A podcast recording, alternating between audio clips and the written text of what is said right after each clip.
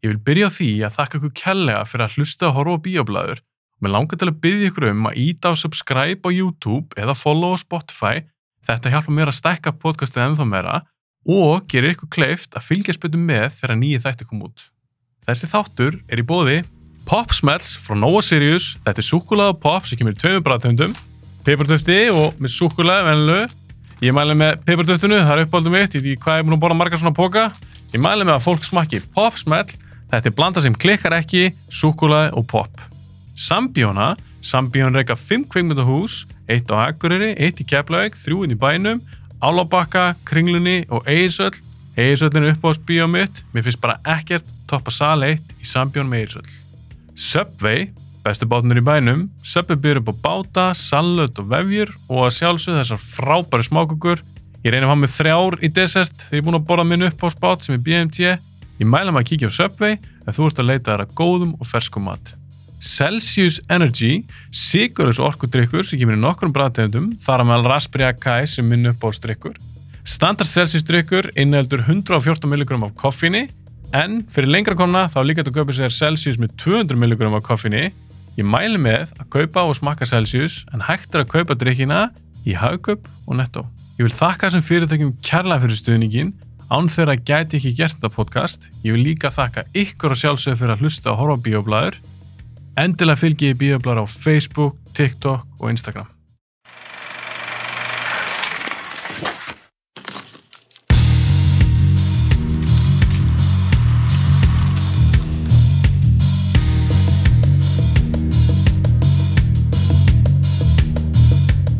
Jæja Arnór, við náðum loksins að láta þetta gerast. Þetta er margar, margar tilunir. Já, uh, það var svolítið mér að kenna. Ég var að lendi í smá vesenni og eitthvað svona og þurfti að fresta og... Skilurlega við sem sann sko. Já, maður á barn. Maður og barn. Það er bara flóknar. Já, ég, ég mitt á ekki barn. Nei. Allar mínar tafir eru bara svona leti, Já, þú meina það, það er sinnuleysi. Ég er bara svona, ah, sorry, kannski ekki. En þú ert búin að vera mjög spennt fyrir þessu. Mjög spenntur.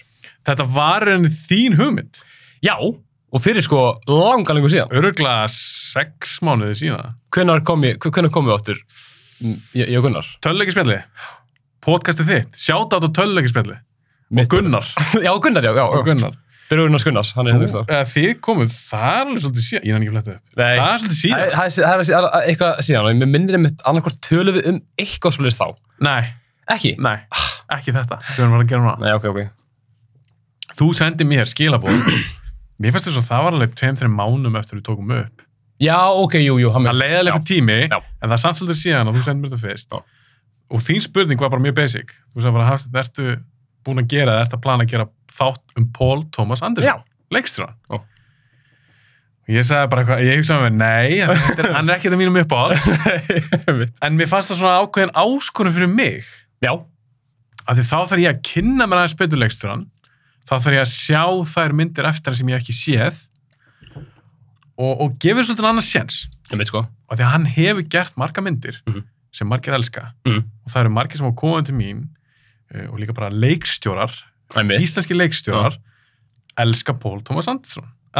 En ég held að kveikmyndi gera menn yfir höfuð elski Pól Thomas Andersson. Þannig ég hef sagði mér, fokk, ég verða, ég ætla bara að nýta tækifærið, Arnótt ger svona þátt með mér, tökum bara túparter, Mhm. förum ekki um alla myndina hans og ég var að segja það, Já. fyrir mitt leiti, að ég er mjög spenntur. Já, ég líka. Ég man, man eftir sko þegar við vorum að tala um þetta fyrst og ég með svona hvort ég hafa verið að tala um Tomma eða eitthvað og ég var eitthvað svona ég, ég hann er náttúrulega miklu, miklu, miklu PT menn sko og hérna ég var eitthvað svona heldur að úst var Hafið búin að gera þáttum hann? Nei, eitthvað svona og eh, Tommi var bara svona, úst, ekki bara prófa að senda á hann? Ég bara eitthvað, má, má það? má, má, má senda á hann?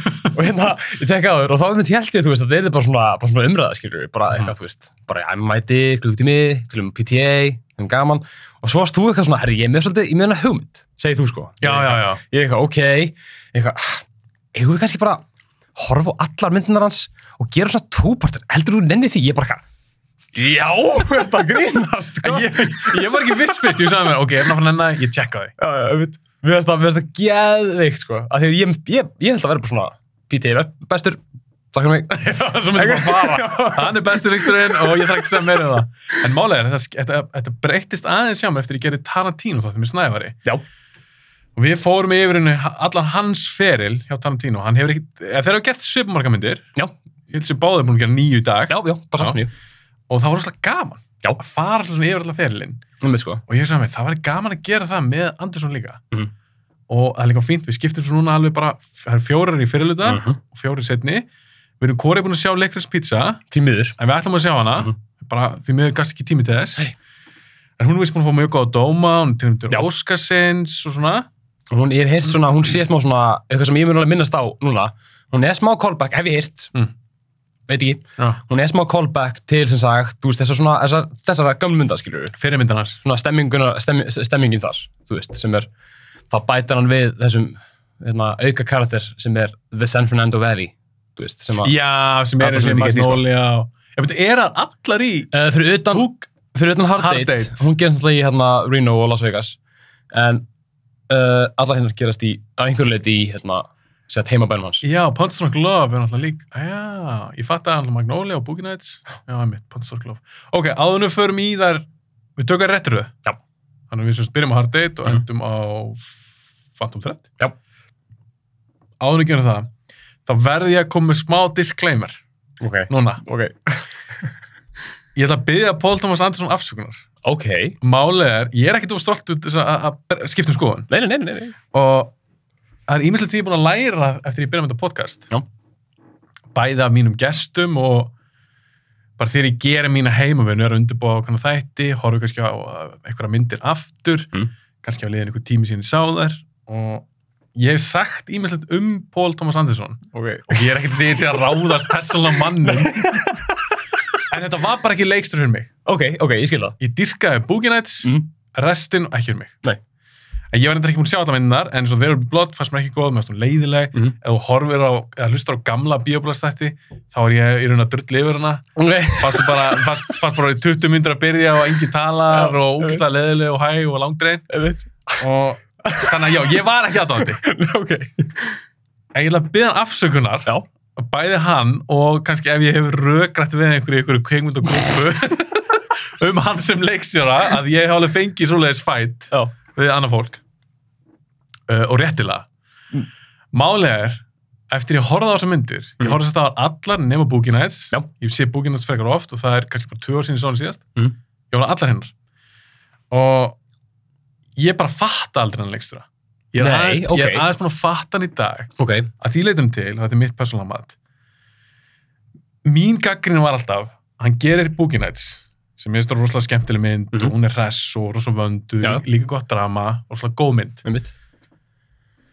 Svo gerir hann Magnolia, svolítið meiri, meiri drama frekar laung uh, Punch Drunk Love, líka hann aðeins þing- þingri, There Will Be Blood og þessar myndir, Með mitt. The, The Master og svona og ég bara, hvað hvað varðum hann að gæja sem gerir Boogie Nights? Já, ég, skildi. það var mín gaggrinni, en Einmitt. máli er það sem ég fatta ekki og minn feill, Mm. þess að ég beðast afsökunar ég beði hann afsökunar, Paul Thomas Anderson Já. fyrirgæðu, meistari að gæin ger aldrei summyndan tvisar Nei, nefnilega ekki. og það er sem ég veist gera svolítið einstakana, því að Mm. við tökum bara minn upp á slegstur, Tarantino Já.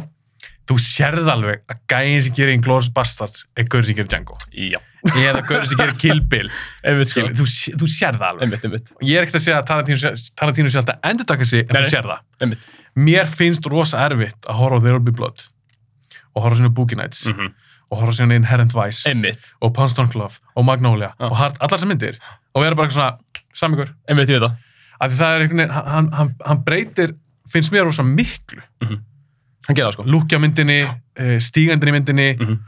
húmor, drama þetta, þetta flöktir rosalega Hann gerði það, sko. og sammála því Algjörlega sammála. Og það er líka er rauninni það sem maður bæði mjög, ég rekna með úst, aðrið sem er mitt fíla og ég ætla bara tilbyðja Andersson, hvort sem þessu köpund áhuga með að köpund að gerða fólk, að hérna, hann, þú veist, hann er með þessar áttamyndir, Mhm. þær eru einmitt svo ógeðslega ólíkar. Og þú veist, hann gerir hérna Hard Date, svo gerir hann hérna Boogie Nights og Magnolia, um, þrjár myndir sem eru með, svona, mjög svona greinanlegum, þú veist, enginum, þú veist, Boogie Nights er basically bara Goodfellas mm -hmm. þú veist, hérna, Magnolia er basically hann bara þú veist, horfa allt sem Robert Altman gerði og svona alls konar svona big, svona, svona hérna, ensemble myndir og bara svona hvernig get ég gert mínu, á mínu eigin bæti þessum eigin stílbunum við það. Mhm. svo gerir hann Punch Drunk Love og allir bara eitthvað, fórst úr því að gera hérna Magnolia yfir í ykkur, svona arthouse mynd með Adam Sandler? Já, og bara með einum karate base, eða svona einum nákvæmlega, og hann bara eitthvað, já, hvað er það að gera því svo tekur hann sér frí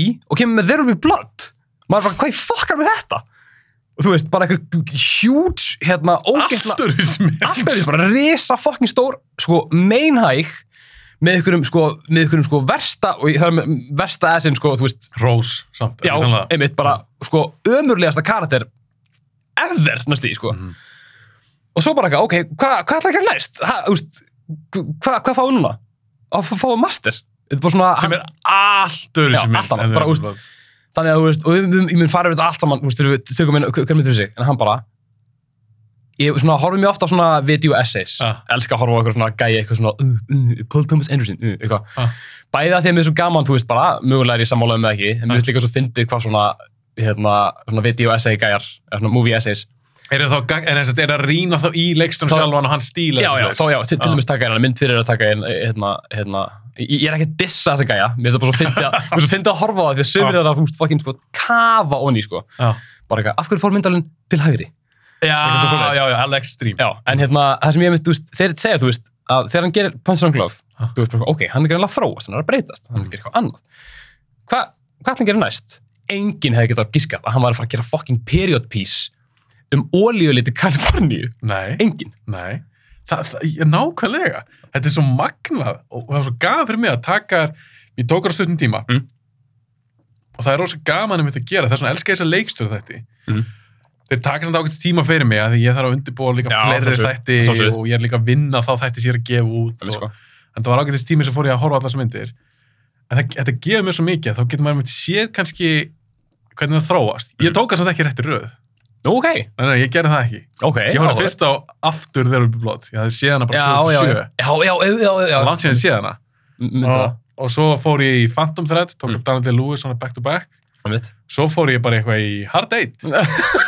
það. Mm. En það var svona gaman, þó ég að flakka á milli. Já, ég trú því, sko.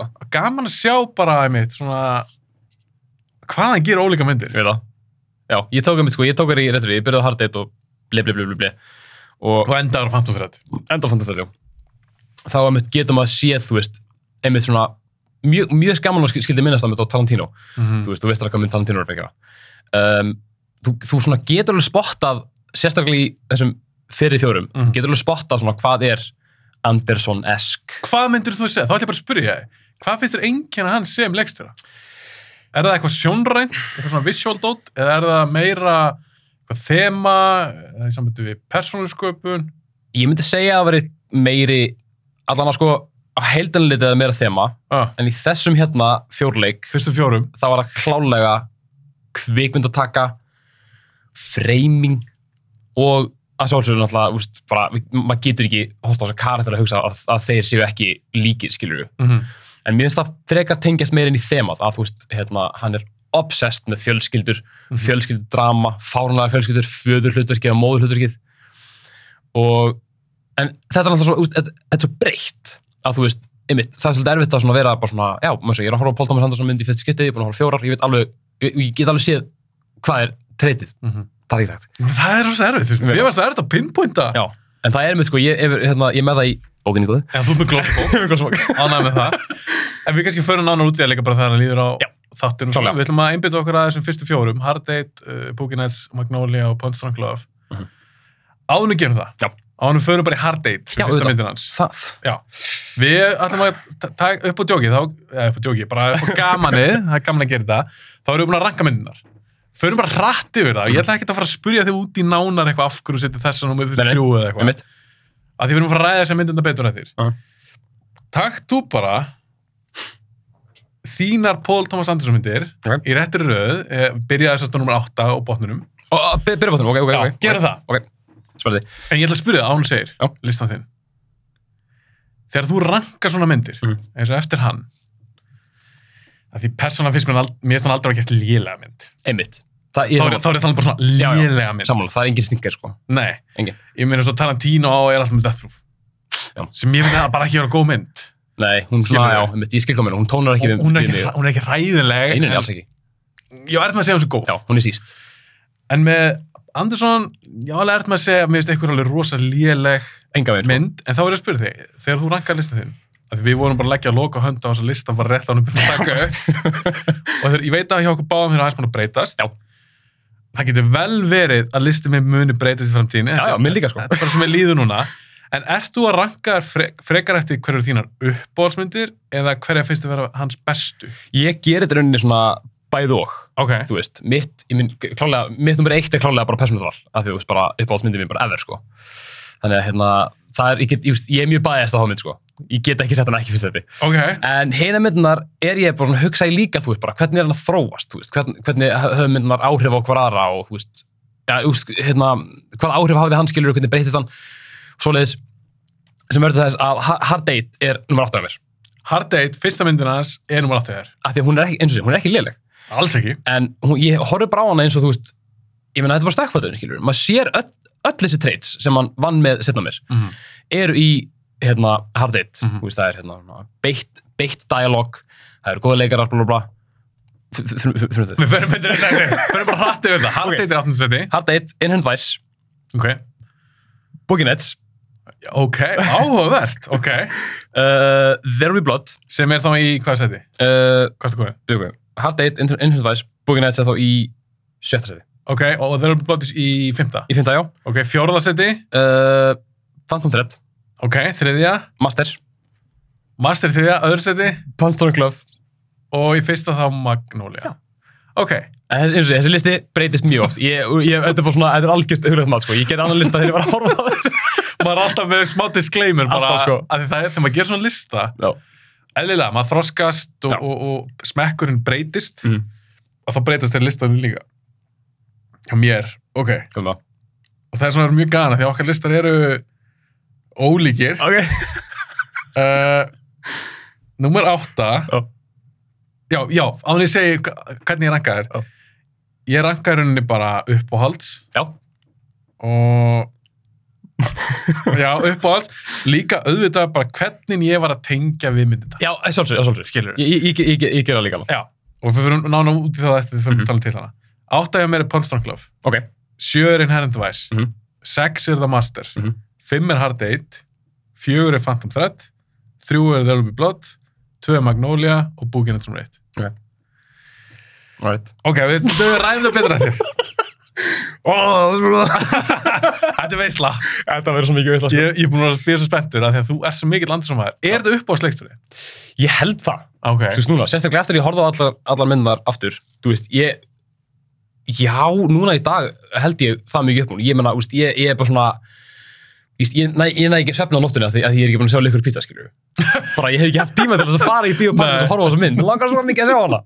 Þú veist, þannig að mér, mér líður svona eins og ég sé svona, ég er bara eitthvað, þú ert ekki alveg eitthvað, kveikmyndahámaður, þú ert ekki búin að sjá myndin eitthvað, hvað er að þér eitthvað, það er ekki hægt samt að hugsa þannig Ég veit það, en þetta, er bara svona, þetta er svona algjör, bara svona gæft súr hugsun einhvern veginn. En hann kæmist að klála allavega á topp 3 Já, listur eða 100%, eitthvað. 100%. Ok, hann er mjög ofalega hér Mjög ofra, Ok uh, að fara að kýla á þetta ég til ég.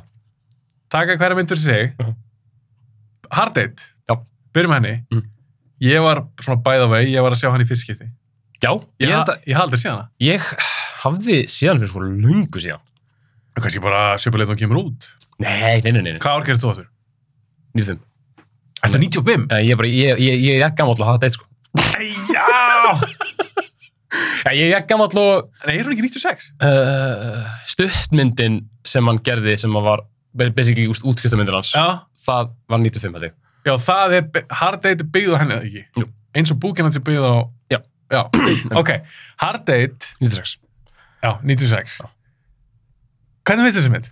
Mér finnst hún, mér finnst hún mjög góð. Já. Uh, mér finnst hún mjög skemmtileg. Mm. um, en ástæðan fyrir því að ég ranka hana eins og ég var langt neðst það er bara svona, einmitt, að því að mitt svona persónulega mat á henni er bara að þú veist að hún er svo mikill stökkvallur, þú veist, þú sér það allir þessi enginni, hún er ekki, þú veist hún er með þetta svona, hvað maður að segja hún er mjög hæg, Mm náttúrulega, þú veist, það er náttúrulega ekkit, ekkit svaklega mikið sem gerist í henni, það eru nokkur fá, ha- handfull af karakterum sem að eru að gera upp plottið Svolítið mest þau þrjú Já. og Samuel Jackson svona fjórði. einmitt, sko þannig að öll þessi einkenni sem hann er með, Mhm. þessi svona, þessi, þessi hérna, einskotungar, eða, Eða svona one shot eða one, one shot take, svona, lang, svona Langar langa, tökur. langa tökur, Mhm.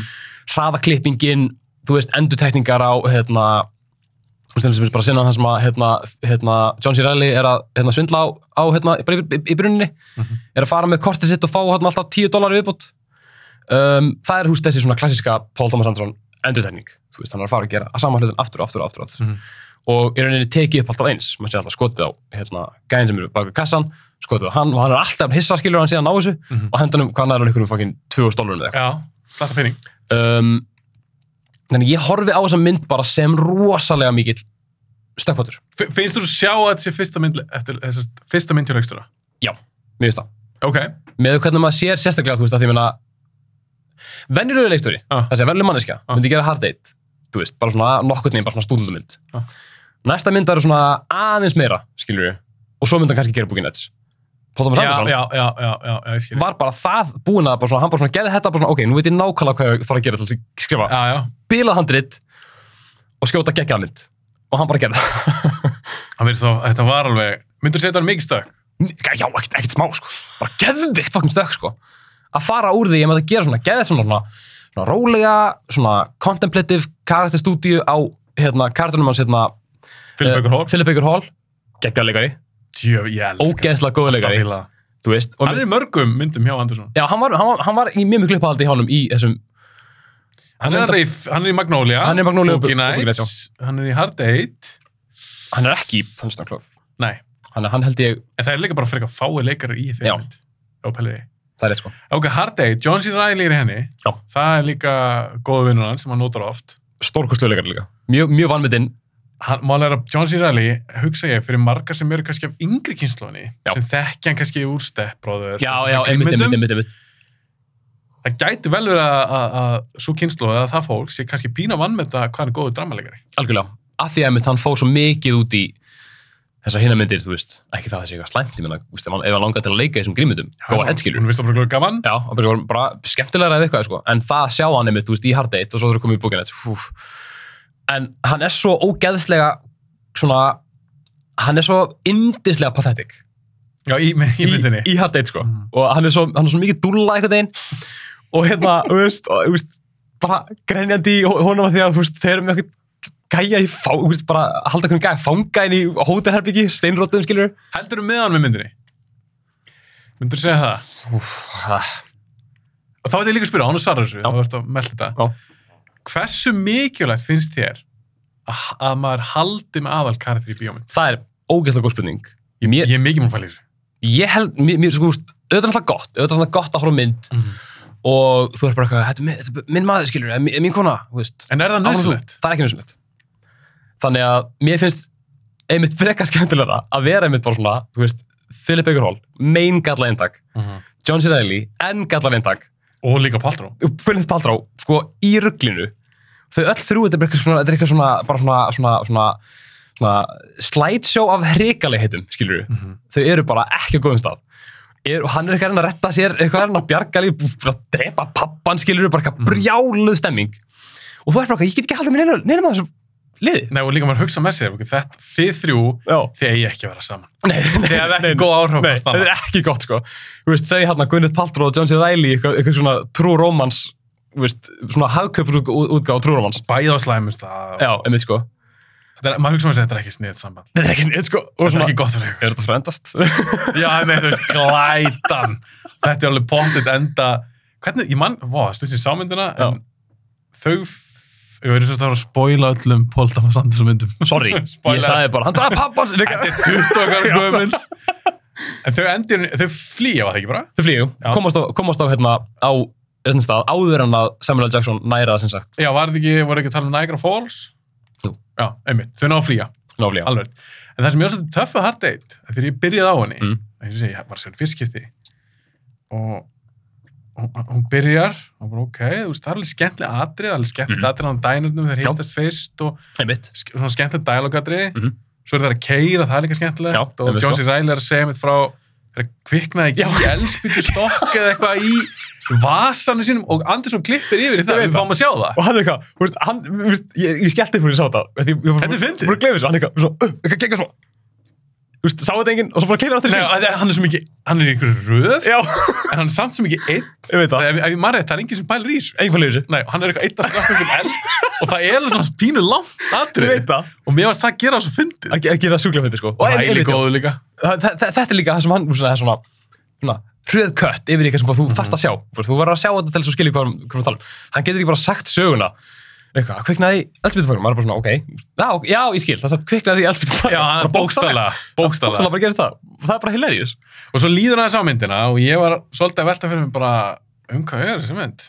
Já, Hugsaði ég. einmitt og ég var bara ok það, á þessu tímapunkti var ég búinn að sjá nokkra Andersson myndir Mhm. þannig sem ok, ég ætla að ég treyst honum alveg. Já. ok, því hann, hann er rosa fær kvimilgjana maður hann er bara ok, hvað um hvað er þessi mynd? Svo kemur hann svolítið í ljós eins og það kemur fram myndinni hún er örugglega alveg meir en hálfnuð þegar hann segi, eða það kemur í ljós Já, hann, Philip Baker Hall Sidney, Já. drap pappans John C. Reilly já, fyrir einhvern Me- síðan meiri sér, meiri sér lengra held sko það, Meira- meira já hálfu, sko. hún er meira en hálfu örgla, myndin.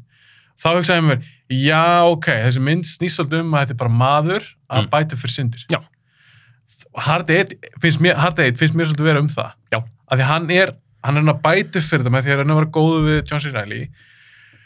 Og var hann ekki líka svolítið að- leika smá matchmaker en að koma þeim saman? Hann var ekki, jú Er það ekki? Er það miskilningur um mér? Nei, ég myndi segja sko að hann er einmitt, þú veist, þetta er líka central þema hjá Andersson, það er Mm. bara fóreldar hlutverkið, þú veist, hlutverk föður og, og, og, og bats eða móður og bats sem eru oftast ekki skild, Já, einmitt, sem er ekki blóðskilt. Já. já. sem er alltaf mjög mikilvægt í næsta mynd uh, en þarna einmitt bara er hann, þú veist, einmitt eitthvað svona washed up gangster sem er líka bara búin að flýja hérna, fyrir aðstæður, komin til Reno búin að vera að svindla okkur um kasínum til að halda, halda sig gangandi.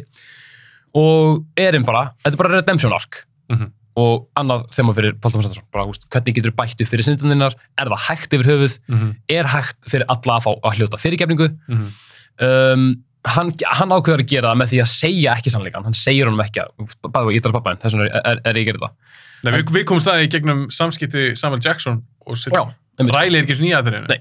þannig að þú veist, og þetta er máli og bara central punktun, þetta er þessi máli, þú veist alltaf að leita plottinu um hvað er myndin, skilur verður aðeins erfiðara því lengur sem kemur í fyrirlans Pól Tómas Andersson Mhm. en í þessari mynd þá er það bara, þú veist já, það kemur svona, já, auðvitað hann draf Pammans, þess vegna er hann svona að bæta upp fyrir það og, en central þeman er bara, þú veist, að Sidney vill ekki að karakterinn John C. Reilly viti sannleikan hann veit bara, hann viti bara að hann hafi bara hluta lífuna hans í ákveðin, ákveðin tíma og svo bara svona hl hleypur honum úr heyrinu Mhm. svona so to speak og það virkar, svo fyrir sem við vitum þú veist, Já, með, ertu að miða við hvernig myndin endar og svona? mjög hvernig myndin endar Mm -hmm. en eins og við segjum, raunhaft, raunhaft fólk hugsaði ekki að þetta mun ekki endast þetta, Þetta samband. þetta samband milli, milli þeirra sko kannski mun það gera það, við veitum það ekki en það eins og við veitum er bara að hann nær þessu takmarki sínu hann nær að bara hreyðra um John C. Reilly gefa honum orma eins og fugl Mm -hmm. og svo flýgur hann hérinu Sem er alveg cool. af því Að, alveg cool, já. Já, þegar hann skilur við Riley, Mhm. John C. Riley karakterinn, á öðrum staðar, á öðrum stað, Mhm. heldur þannig kynst honum. ég veit sko Þegar hann er þá komið, hann var á hann voða ástöngin af Gwyneth Paltrow, Mhm. karakterinnum, þau flýja hann saman og eitthvað, og eins og þú segir, hann kemst ekki að því Nei. hvað sitt gerði. veit sko.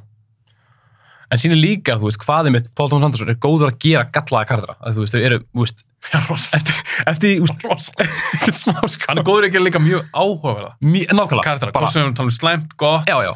Þú tengir bara einhvern veginn við þau og þú bara, þú, bara, þú verður að sjá hvað gerst næst og þú kaup, ég, ég kaupi alla karakterans. algjörlega, Alveg svona hversu klikkar er eru eða ógisleir eða... það. Það er bara, það er ótrúlega sko. Og hérna, þú veist Er það, Sidney, er það góða kall? það er spurningin, er hægt að, þú veist, er, er hvað Hann er morðingi. hann er morðingi, þú veist. Hann er augljóslega að reyna að bæta upp fyrir sindi sínar en hann er ennþá glæfmaður hann er ennþá að svindla á, svindla á hérna, spiritum sem by the way Paul Thomas Anderson segði að játa að hafa, hafa gert það sjálfur Eða það? að hafa svindla svona á, hérna, spilaðið Eins og, eins og Sidney kennir Já. John C. Reilly í myndinni. En, að fyrst í myndinni. Já. hann bara, minnst það ógst að fyndi hann er bara svona, skrifa það inn í handil bara, já, bæði, ég, ég var alltaf að gera þetta það er þetta snill. Það er fucking gott sko. Þannig að þú veist, einmitt, hann er glæpmaður. En er, er hann góður ef hann er að reyna að bæta upp fyrir syndi sínar á þennan, á þennan hátt? Ég myndi alveg segja já. Já, maður líka getur, þú getur tengt við þannig mannesku sem vill bæta upp fyrir eitthvað. Mhm. Og ég held bara að við sem manneskjur getum bara mitt. Þetta, þetta, þetta, er svo, þetta er svo mannlegt. Sko. En hann, ég ætla að segja að gera mistökurinn að bæta fyrir þau, hann, hann auðvitað fremur morð. Já, ok, ok. Er kannski svolítið hardcore, Já, ok. en þú skilur hvað við. En- Þessi grunn tilfinning, maður er bara svona, já, ok, ég skil þetta. Hann, hann gerir eitthvað, hann brýtur af sér, hann greinlega sér eftir því Mhm. og hann, Já. líka bara, hann, hann virðist líka mjög öll með að tala. Já, hann er, er rauninni játaldri fyrir það. Þegar að Samuel Jackson er að mynda að grilla hann um það, hann er bara svona svarar hann aldrei Mhm. og þetta er mitt bara svona geðveikt, svona, þetta líka enginni hjá Paul Thomas Anderson, það er profíl. Þú veist, þegar Sa- Samuel Jackson er að tala við Sidney, þá sérst bara í hliðin á hann, þú veist, þeir eru saman í bíl og hann notar ekki þessu svona hefðbundnu hvernig fólk tala saman í bíl. Hann sýnir þá alla í profíl, saman með, með dænaratriðið. Er þú talað ekki beint frá hana? Já, heldur, heldur hliðina á þeim. Það er áhört, það er rétt sér. Sem er svona, ég veit ég veit ekki hvort það sé, úst, Það er pottet viljandi gert. Já, já, skilur, hann, hann notar það líka í fleiri myndum, sko. Mhm. þetta svona þetta, þetta samtalsform, það sem að þú veist báðir aðlar eru, þú veist, jafningjar eitthvað sem þú ert ekki alveg viss hvar valdið er Og er þetta kannski líka þess að setja okkur kannski meira inn í bílinn? klálega, Þú- já, einmitt, meira já, immersive. já, af því að þú, veist, þú ert að horfa á hann, Það er svo við sitjum við hliðan á já. sem er náttúrulega mjög svona hérna, immersive, ég með held ég, að skrifa eitthvað myndi í bókinni góðu, Hvað ertu með í glósbókinni, Arnó? ég er með svo mikið að drastlega sko, Úff, maður, ég sko, ok einmitt, uh, stílbjörn hans Mm. um, hann er með þessa sterka karta sem eru með ákveðinu filosófi um, Samuel. Jackson ekki reykja í bílum, ekki, ekki reykja í bílum mínum Mhm. mjög sterk ákveðin filosófía sem hann gerða heldur uppi en brýtur svo strax að því að valdið farið, Já, skilur við já, já. svona valdabalans um, Áhugavert. og já, endur tekningarnar lí, lí, líka hérna Mm. Hún er ennst úr, dottin úr hérna rytma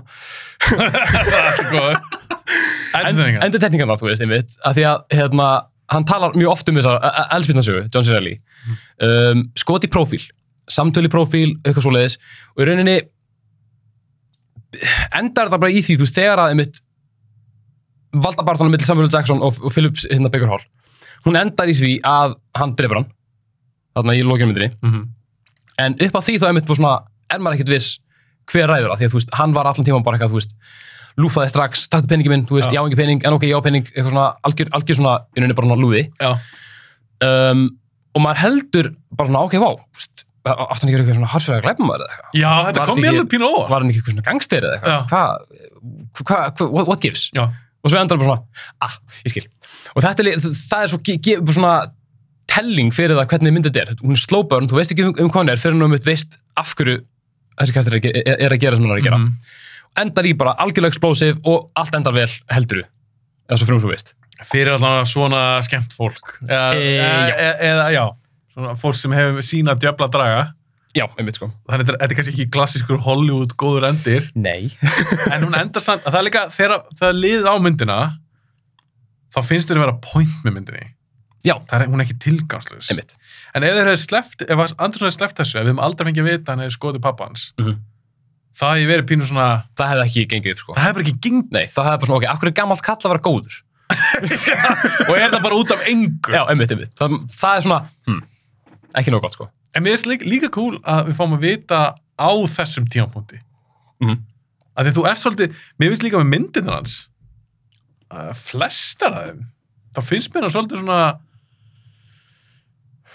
Hann lítur ekki, eh, hann, hann, hann talar ekki niður til okkar sem áhengur. Hann reynir að fá okkur til að engage af myndina, er- finnst mér. samla Og að það er gert alveg í hard date líka.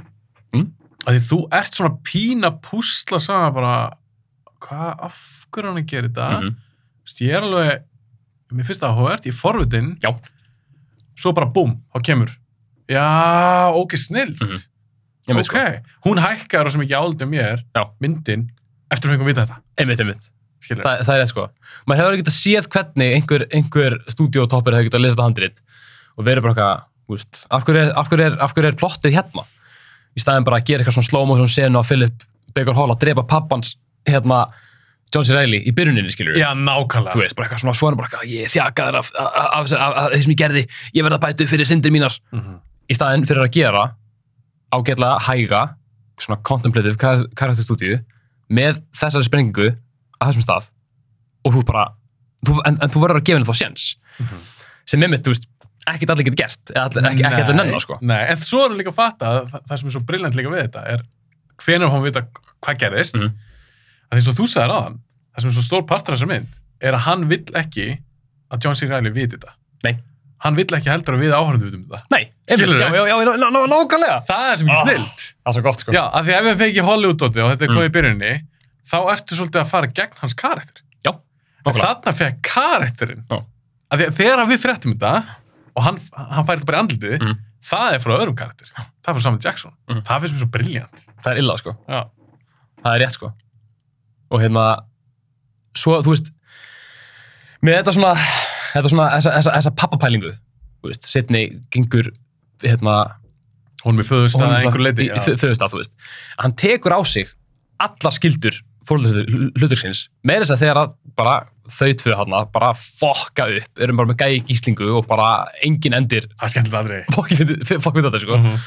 Hann er með bara svona, hvað er það að gera? Nei, ég bara amátt, þið bara díluð þið sjálf, svo fer hann ekkert. Af því hann er bara svona, hvað myndi, hvað myndi pabbi gera? Hann hann svolítið skammaði þessu úrlingar. Já, já, ná, nákvæmlega, hann skammaði bæði, þú veist, og er bara eitthvað, hætti þessu kæftæði, gerið hlutin, sleppið þessum gaur, svo vakna gaurinn og hann náttúrulega ber hann í skássu Mhm. aftur, skilur, Rótar hann ber hann aftur, þú veist, þau eru eitthvað með eitthvað skím, eitthvað er að ringi konuna, svo fáránlegt skím. hún er pening. Og þetta er svo, þetta er, eins og ég segi, það er svona fast með þessu að vera úrlingar. Þetta er svo barnalegt það sem erum að pæla að Ég, gera. ég veit það, þetta er svo bannar. Hvað er það að pæla? Veit, og hann er bara svona, hann er bara svona held, með okkur að tvo bara já, óstilvægt að krakka bara svona, Sem hann þarf að passa einhvern veginn, að búið að taka á sig að bera ábyrða. hvað er það að gera? Og það er mitt, þú veist, annað, eins og bara alla myndan hans fjalla eitthvað hátum vald.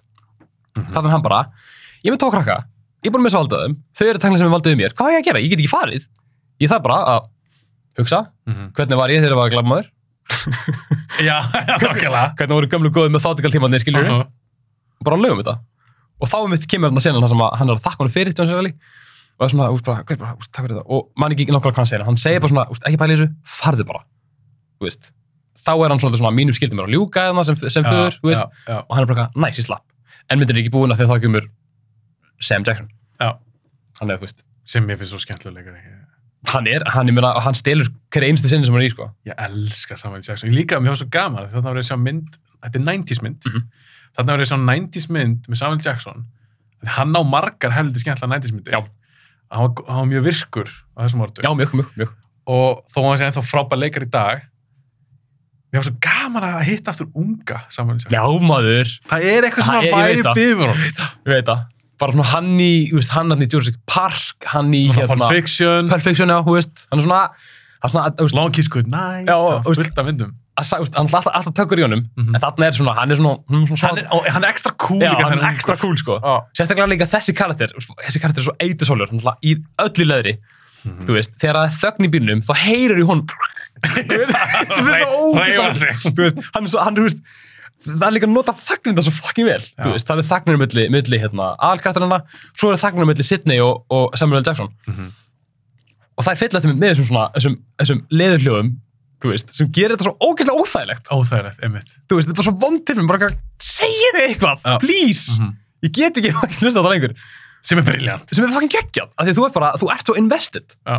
Og þetta, þetta áleika var óþægilegt af því að það var hann ekki nýbúin að segja í rauninni bara, ég veit þú skauðst pappans.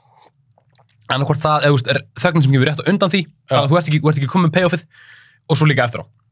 Já, það er rauninni tvö því, það er ekki rétt sem það þeir tala fyrst, svo fer hann, svo segir hann, drast pappans, svo fara aftur. Er ég að ruggla? þetta er svona, þetta er- alveg löng sinna sko. Já, þetta er svolítið en löng ég held að þessi inn í bílum alltaf tíman Nei, maður rétt. Ok, maður ekki. Mér, til varna við frestum við ætlaðum Ég fæst að þetta mjög, það er alveg- ágætt að langt sem sáum Já, svolítið, síðan við sáum. Gwyneth Paltrow, hún leikur, já, alveg svona þokkalega stórt hlutverk.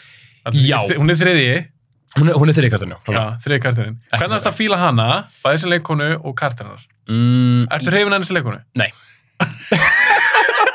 Þú þurft ekki að hugsa um. Finnst hún léleg eða bara er hún ekki, Hún hún, er- bara höfðar ekki til? mm, hún er ekki, alls ekki liðlega leikuna, sko. Mm -hmm. Þú veist, setni tíma þannig er hún basically alltaf að leika svona, sama kartin einhvern veginn. Þú veist, mér finnst hún ekki vera, Mér finnst hún bara Pepper Potts já, ándjóks, hún, hún, hún, bara er pikkfast í því, sko. Ég, ég, svona, ég veit ekki hvað er, en þú veist, ég hata hann ekki þessa mynd, Ah. alls ekki. Af því að hún var mjög góð að vera þessi, þú veist, þú, ég, ég trúi henni, Mm -hmm. ég trúi henni alveg, hún væri bara, mér langar einan penning. Þú veist, þessi, bara, hérna, þessi gæði skuldum penning og ég ætla að fá hann penning. Þú veist, ég er fíbl og allt það, ég veit ekki hvað er að gera. Mhm. Ég var bara, ok, en ég trúi þér. Þú veist, þannig að hún líkir alveg vel. En ég held að sé bara að hún höfður ekki tíminn. Nei, þetta er bara ekki leikur sem þú fílar rauninni. Nei. Nei. Hún er ekkit eitthvað topplista hjá mér. Nei, en þú fílar hana. Mér hún flott í þessari mynd. Já, hún, hún, hún, eins og hún er það. Já, veist, hún maður alveg kaupir allt sem hún segir. Við getum orðað þenni að þegar ég sá að hún var að leiki henni, Mhm. Þá var ég eitthvað svona, mm, ok. Já, einmitt, einmitt, Svo einmitt. smá, Já. svo er bara, já, hún var bara aðröldið fín. Ég get ekkert sett út á henni í þessari mynd. Nei. En eins og ég, hún er ekki, ég á alveg örugglega svona 20 leikonu sem ég fíla betur en Já, já, já. Það já eru það, er bara, fleiri, sko. það er basically, það er basically sama hér, sko. Já. En einmitt, í þessari mynd, þú veist, sem í þessu, í rauninni litla, litla hlutverki sem hún fær, mm -hmm. stendur sig bara mjög vel, sko. Næra mitt að gefa, gefa af sér þessa hopeless tilfinningu, þú veist. Og mér finnst ágætlega skemmtileg bland af leikurum. Philip Baker Hall, John C. Reilly, Samuel Jackson. Gwyneth Paltrow, einhvern svona hrærigrundar leikurum Algjörlega, sko. Chemistry og svona, mér finnst það alveg virka. Það gera það, sko. Endar bara, endar, endar í bara, úst, bara, bara mjög, ekki skemmtilegri, ég er að finna rétt orðið, Mm. þú veist, en svona, já, þetta er bara, þetta, þetta er bara áhugaverð, áhugaverð karakterstúdía Já, sem að bara svona tónar gefið vel fyrir þessa, þrjókarakter. já, í samanlega. Og mér finnst það bara enda líka á góðum stað, innan gæslappa. Eins og maður segja, já. Já, mitt. hann alltaf skýtur Samuel Jackson og fyrir Já. framan líka konu já. sem, Sem, sem er leikin af, hérna, með Laura Walters. hver er það? Með Laura Walters. Það er, hérna, hérna, aðal karakterinn í Magnolia. Já, dópist. Þetta er hún. Ég man ekki alveg. Þetta er Já. hún. Já. Ég, sko, ég, úst, hún er, Heitir hún, Laura? uh, með Laura Walters Með hún er allan í, hún, hún er í þessum fyrstu þreymur hjá honum uh, frábær leikona ég elska hana Hún toppar sér samt í Magnolia. hún toppar sem En já, við törum það. en ég sko, minnst þú geggjað úr aðeins mitt, hann svona Já, hún er konan sem Já. að Samuel Jackson er með hann í lokin. og maður tekur ekkert eftir þú veist nema maður sé kannski nýbúin að horfa Magnolia eða eitthvað af því að hún er svo svona fallin einhvern veginn en Með Laura Walters. með Laura Fyndið. Var hann ekki ljósa líka í... Skil ekki öllum máli. hún, hún, hún er mjög sér Og smá shoutout, Mm. Philip Seymour Hoffman, Já maður, hann Er er, í Hard hann hann er hann er í þessar 15 sekundur og ég var allan tíma að væri bara eitthvað, já maður, ég er Philip Seymour Hoffman elska hann ekki við, sko. við, ta- t- við tölum örgulega mest um hann, já, mikið, hann alltaf leikur í mörgum myndum, Já. hann alltaf kannski stærsta hlutur ekki hans er í, í The Master, myndi Já. ég segja það, Jú, klála, klála. í, á andursum myndunum. En uh, minnst það svo briljant í búinu uh, Hann er besti kattur í. Já, við við ræðum það bara eftir smá stund. Uh, Philip Seymour Hoffman, Já. ég minn þessi gæi, ég, ég hugsa sem sammála, Já. en þessi gæi bara hvíli í friði, þetta er náttúrulega bara, þetta var svo mikið synd hann að dó. Ég veit það. Bara, úff, Einn allra besti leikarin. allar tíma. Bara Hands no, down, no contest, sko. hann, hann kemst allavega á topp 5 bara, Já, já. er það ekki? Uh, alla daga á tvisum og sundum, sko. Þú veist, Þessi bara, Þessi þessi, reynsi sem þessi ég veit það. hafði, Ég veit það. er fárán. Þú veist, er mitt, ég man ekki hvað hann er gamall í þessar mynd. Hann er hann bara, hvað, hann deyr 50 og, Hann var, ekki, hann var ekki gammal þannig að dó. var, nei, kannski var hann bara 49 ári, ég man ekki alveg hvað hann gamall. Hann var ekki árið 60 til að dó. Nei, nei, nei, alls ekki sko. Þarna er mitt þannig að í Hard Date þá er hann bara, þú veist, rétt um 30 eða eitthvað. Hann næri einhvern veginn að vera svona, svona, svona, þessi svona, þú veist, ah, come on, eitthvað, eitthvað old timer, eitthvað, þú veist, svona, úst, Gladagur. gladagur, tapa og svo þess að bara, ah, shit, ah, hann bara svona, hann næri að sína alla þessa svona eiginleika sem hann er, svo- er, svo, er svo þekktu fyrir. Dó fjör, hann 46 ára hann dó. Hann var bara 46 ára dó. Þú veist, það er 2000 og, hérna, Hann er svona rétt um 30 bara. já, eitthvað svo þess. Þegar hann leikur, leikur þessi. En hann næri með, þú veist, ég myndi alveg kaupa bara sem einhvern átjónur bara gutta, sko. Eða Ég, bara, gæði sem bara svindla þessi á kasínóið, þú veist, undir, lögaldri, sko. ég kaupi Philip Seymour Hoffman sem allt. Já, ok. Ja, þú veist, mér finnst það bara, Við getum bara berðu saman karakternas í Magnolia, Já. Boogie Nights, Já. Mission Impossible Já. 3, One Strong Love, Já. Master, þetta er bara eitt sami gaur. Nei, þetta er ekki svona ykkur. Hann er rosalur. Herru, ef að færa okkur yfir í Boogie Nights. Gerðu það, afgriðum Hard Date. Hard Date, ég meina við erum báðið bara þokkala ánægð með hana Já, algjörlega. og ég skemmt mér alveg vel að horfa á hana Jú, jú, hún er alveg svolítið hæg en leiðum Mhm. að sá svona, já, ok, er, hann er að segja eitthvað sögu Já, og, það er, það er, eitthvað point, það er point með þessu, sko. point með þessu og þetta var ekki oflóki fyrir mig ég er svona náðir, ok, ég fatt hana ólíkt, við komum að eftir sömu myndi sem hann hefur gert, ok. en ég er svona, já, ok, ég fatt hana já, ég er alveg að Ok. tengja og bara fínasta svona glæpa kartumynd Mhm. svo gerir hann búkinett Sem er byggð líka á, hétt hún ekki bara hans The Dirk Diggler Story Uh, jú, annarkvort er Story of. Dirk Diggler eða Dirk Diggler Story. við minni það Já. hann gerir hana, Boogie Nights ári eftir Já. allavega stutt eftir En sko- er, er hún ekki 97? Jú, hún er, hún er 97, en Hard Date er sko tekin upp alveg, með þess að það, hún, mm. hún lendi í freka miklu vesinni stúdíulega séð. var hann eitthvað sett upp í hillu og, og svo gefið Sem nú sagt- tölvöld setna Þeir, man ekki hvað stúdíu það var, ah. En hérna, var klift í, í döðlur og, og hérna breytt og notið okkur annan titil og hann, og er hann var, ekki ánægð með þessa mynd? Hann, hann fekk svo ekki beint Final Cut privileges, Ah. en hann náði, ég man ekki, ég var að lasa með það fyrir ykkur vikum, skröfti ykkur mánuðum síðan, en hann náði sem sagt að basically bara svona taka hana aftur til sín og held að hún sé gefin út independently og það er satt köttið sem hann er svona sátt aftur með. já, já, sem við höfum séð Já. En, hin, en það sem að, að stúdíóið gerði, það var mikið hraðara og einmitt svona, svona Hollywood dæmi, sko. kannski meira eitthvað svona glæpa, gangstra Já, eitthvað svona action, jafnvel, sko. Þannig sem að þessi hérna, mynd er alls ekki alls, alls ekki, sko. Þannig að hann er alveg, veit, sko, ég held að hún sé tekin upp 95, jafnvel, sko. já, ég skil Svoleiðis. já, já, hún er kannski verið upp í í eitthvað tíma Já. tilbúin og bara verið sem er dreifingraðala Eitthvað, já, nokkulega. ok, því- en hann gerir búkina Hann gerir bókinets. Hann skrifar þetta bilað handrit sem að ég mæli með að lesa. Það er ókesslega, ókesslega gott. ég þarf að lesa Það er mjög gott, sko. Það er hérna, man ekki, það var einhver, einhver, einhver svona, eitthvað tíma er þetta að tala um þetta, þetta væri bara ofalega áþvist. Listaði bara besta handrit alltaf tíma, sko. ég meina myndin, ég man eftir þegar myndin kemur ég er fættur 83 Mhm. þannig að þegar hún er að koma út 97 Já. þá er ég 14 ára Ok. og hún var að fjalla um klámiðna þetta in, the- in the 70s Já, maður. og eitthvað Þetta er bara gullöldin. Og ég elskaði Goodfellas já. ro- rosa hraði Goodfellas sko. og hraði líki Boogie Nights ég man þegar ég sá þessa mynd ég var, ég sá hann ekki bíó Nei. en ég man því ég sá hann, ég var blown away ég bara, vá, þetta er geðveik mynd Mhm. og ek- mér finnst hún ennþá Það er svolítið. þess vegna er hann nummer eitt hjá mér eins og kom fram á hann á listanum en ég árósa eftir með að setja sér besta myndin hans Ok, ég skil að kominar. fyrir, fyrir mig persónulega þessar mínar efstu þrjár Boogie Nights, Magnolia og There Will Be Blood Mhm. Mér finnst þær allar mistraverk Já. og ég myndi setja þær allar líka bara sem hugsa ég tímalus mistraverk ég Mhm. hugsa að vera allar góðar eftir 50 ár. Uh, ég er ekki að segja hinar séu ekki heldur ég það kannski melda þær aðeins betur. Þessar uh, hinar fimm myndir sem ég er búin að sjá. En með Boogie Nights mér finnst hún bara svo svakalega skemmtileg. Hún er það.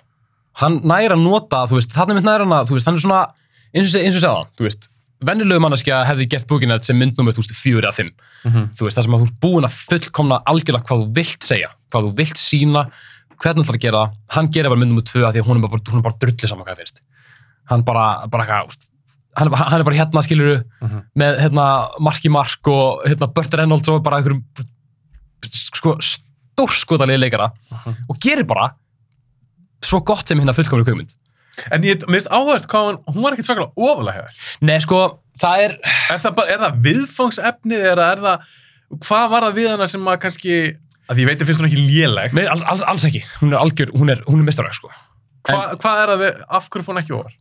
Það sem ég hugsa sér akkur, bara akkurat núna Ah, er bara að þú veist, ég er nýbúin að bara svona öðlast svo mikla nýfunda verðingu fyrir fyrir Phantom Thread, fyrir Master já, það er bara toppa búkinni. það er bara svona, að bara, úst, bara akkurat núna Já, ég skilji, Trompa búkinni.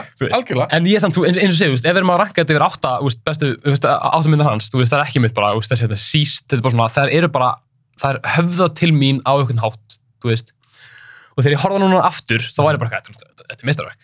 Þetta er svo, svo fungkomið. En ég var samt líka svona, en ég sé samt einhvern veginn, ég tengi meira við Punch er segja, og bara allt saman, þú veist. En bókin er samt sem öður, þú veist, ég, ég, ég skella hlæði alla myndina, sko. Hún er bara fyndin. Bara þessi, þú veist, þetta er svo mikil, hún er svo mikil, hún er svo mikil rússibrarið. Alveg rosaleg. Þú byrjar á einhverjum, sko, brjálaðasta einskotungi. Ég vona, hefur ykkur sagt þetta áður, eða? Nei. Ok. ég var ekki að segja við eitthvað, ég var ekki að tala um Tomma eða eitthvað, einskotungur, hann eitthvað, hvað, hvað er þetta að segja? Og ég, Tommi mér þess að hissa bara, hvað ætla að segja, hvað ég held að það Tommy hefði bara er bara hvað- En ég tala bara svona ógeðslega löng one Já, takes svona sem eru tökur, já. geðveikt svona plönuð og hann er náttúrulega bara, þetta er bara gútfélags þetta er bara ve ve veitingastað sem er inn í gútfélags og þú veist, þetta er svona eins og þetta er svona eins og eitthvað svona postmodernist take á á, á gútfélags, skilur Mm. þetta er svona svo bónusljóð eða eitthvað. Að hann, þú veist, er bara svona ok, ég ætla að hafa gútfélags, en í staðin fyrir að hafa svo ógeðslega eitur sölu karaktera, Ray Liotta og Robert De Niro okkar, ætla að hafa Louis Guzman. Sem er, ok, hann er samt skemmtilega. sem er skemmtileg, sem er, hann, hann, er svo, hann er svo mikil karakter þú veist, það. hann er hilarious, ég elska hann að gæja með öll, öllum lífi. Og þess vegna finnst mér þetta svo ógeðslega grilla þetta er ógeðslega svartadriði, en þú ert með fucking Louis Guzman, eitthvað, nei, nei, nei, eitthvað talandi og bara svona, bara svona verandi gegn veginn. Og ef þú við það, þetta er áhverjum það er Goodfellas. Mm. Uh, Já, þetta er alveg sama vibe. Þú gæti alveg tekið double feature. Goodfellas og Hund- Boogie Nights. 100% 100% sko En það er, og þú talaði, þeir eru svo, eru svo töff Mhm. í Goodfellas. Ég er að reyna að hugsa hver er, í, hver er virkilega töff í Boogie Nights. Af því að Dirk Diggler er ekkert er- töff. ekki töff John C. Reilly er ekkert töff í þessari það mynd. eru mestu lóðni sko Philip Seymour Hoffman er ekkert töff í þessari mynd. Buster Reynolds, alltaf leikari sjálfur alltaf, Já, var, alveg, sjálfsögðu. var töffari. En það er svo áhvert að bera þetta saman. ég veit það, þetta er eins og segja þetta er, þessu fólk. ég veit það, þetta, þess vegna myndu hugsa maður bara svona, þetta er bara svona, eitthvað svona ógeðslega postmodernist svona listræn, bara svona þetta er svona ádeilat, þetta er- er djók þetta er bara, bara djók útgáfa af, af Goodfellas og þegar ég, þegar ég horfi á bók, bókina þess núna með Já. þetta hugfari, þá er ég bara í, í, í, í grenja og hlátri Mm. yfir summa á þessum sinnum Þessi suma senurleika er bara briljant, algjörlega, bara Andersson hefur verið bara hlægjandi baka kameruna, ég trúi Ekki öðru.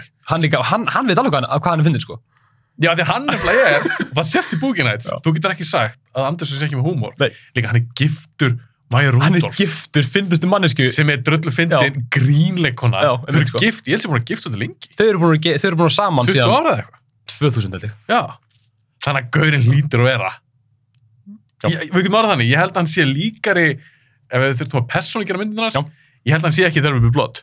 Nei, nei, Hann, nei, er- hann er fyrir ekki Boogie hann, Nights. er- hann er búin að sko, ekki spurning. Já, sem er svo, sem er svo magnað, Ég því veit hann það. gerir ekkert margar svona myndir. Nei, hann er bara svona, hann bara einhvern veginn svona, þú veist, ok, við ko- koma, Já, koma, segðu koma, það, já. koma þessu Boogie punkti Nights. til, til að tala um hérna Ma- Magnolia, Já, hann er mitt Boogie Boogie Nights. Hann, hérna er mitt líka svona perfektar hann þetta, þú veist, þessi svona, þessi hérna, s- svona stóru Karlkins karakterar með svona big ambitions. Mhm. Þú veist með Burt Reynolds, hvað er basically fyrsta, línu, fyrsta svona ræðan sem hann heldur. Hann segir, mér langt til að gera hann að fullkvæmlega klámynd. Mér langar til þess að þegar fólk er búið að runga sér að þá, veist, er það ennþá í bíónu og veist, það er alltaf að róta í, Í bíó. í dag, maður er bara svona í bíó? Þetta var þengi gaman það. sko og hérna, Sem, að, sem pínu skrítum pæling. ég get ekki ég bara, ég bara fyrir mitt litla líf get ekki Ma- þetta stemmingar Maður sko. væri ekkert að stökka á, á, á svoleiði síningu. Herra, og kíkja það en hann er, það er rétt sér, hann talaði um það, gera einu fullkonar klámynd. og það er með bara svona Hann vil gera listræna alvöru bíómynd.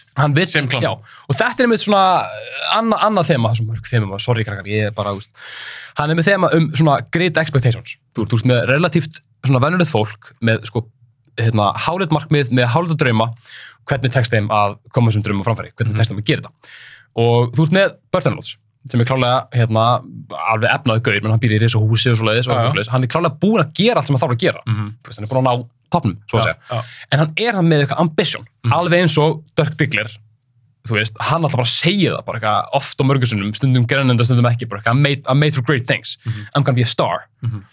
um, og þetta kontrast á svo skemmtilega, þú veist, að því að mitt einn gæinn, búin að ná öllu hinn gæinn, bara krakki basically, já. smátt hæft Var hann ekki bara að- Dirk Diggler, átt hann ekki verið bara eitthvað sög hann var 17 ára að verða átján eða eitthvað? já, hann var, bara um leið hann var 18 ára þá, Þá leik hann í, Já. einmitt, einmitt. þetta, þetta var eitthvað svolítið þetta, já. þetta er svona, þetta er mjög skrítið, þú veist Þá þá gráðu svæði. þetta, þetta er mjög gráðsvæði, en þetta er samt svo einmitt bara svona, hann er bara, að þú veist, með einmitt gæja, sem vil ná sem draumi og hann bara hugsa, ég, ég þarf að ganga sem góð, góð drengi fyrir stað, Mhm. því að hann ætla að hjálpa mér að ná þessum draumi, hann ætla að hjálpa mér að gera þessa fullkominu klámynd og, þannig ertu mynd með þetta fjölskyldudót, feðgadæmi, ekki og, blóðskyldir. Nei, og svo ertu með mæðgnadæmi þegar að Julian Moore og rólugól. og, Og Og það, Graham. bæði það já, er það alveg Julian Moore við Jött Dörk við, Digler, við þetta degla sko. En líka svolítið við rólugól. Já, einmitt. Hún er svolítið svona mamman. Einmitt, hún, hún er mamman sko. Ah. sem gerir þetta líka endalist meira twisted þú veist, Já, þau eru að leika saman þau eru að leika saman í, í, í og- klámyndum sko og þetta er svo, ah, það er svo erfitt að selja þessa mynd stundum sko En þetta er allt viljandi hjá Á, Anderson. algjörlega, En, algjörlega en, en það, það sem er svo brillant líka við hann er að hann gerir, hún tala um á, áhugar karaktera. Já. Og allir saman hvað þið finnst kannski um þetta persónlega, Mhm. þá er þetta áhugaverða persónur. ekkert smá, algjörlega sko Og hann er að setja þetta upp þetta, í áhugaverðan búning.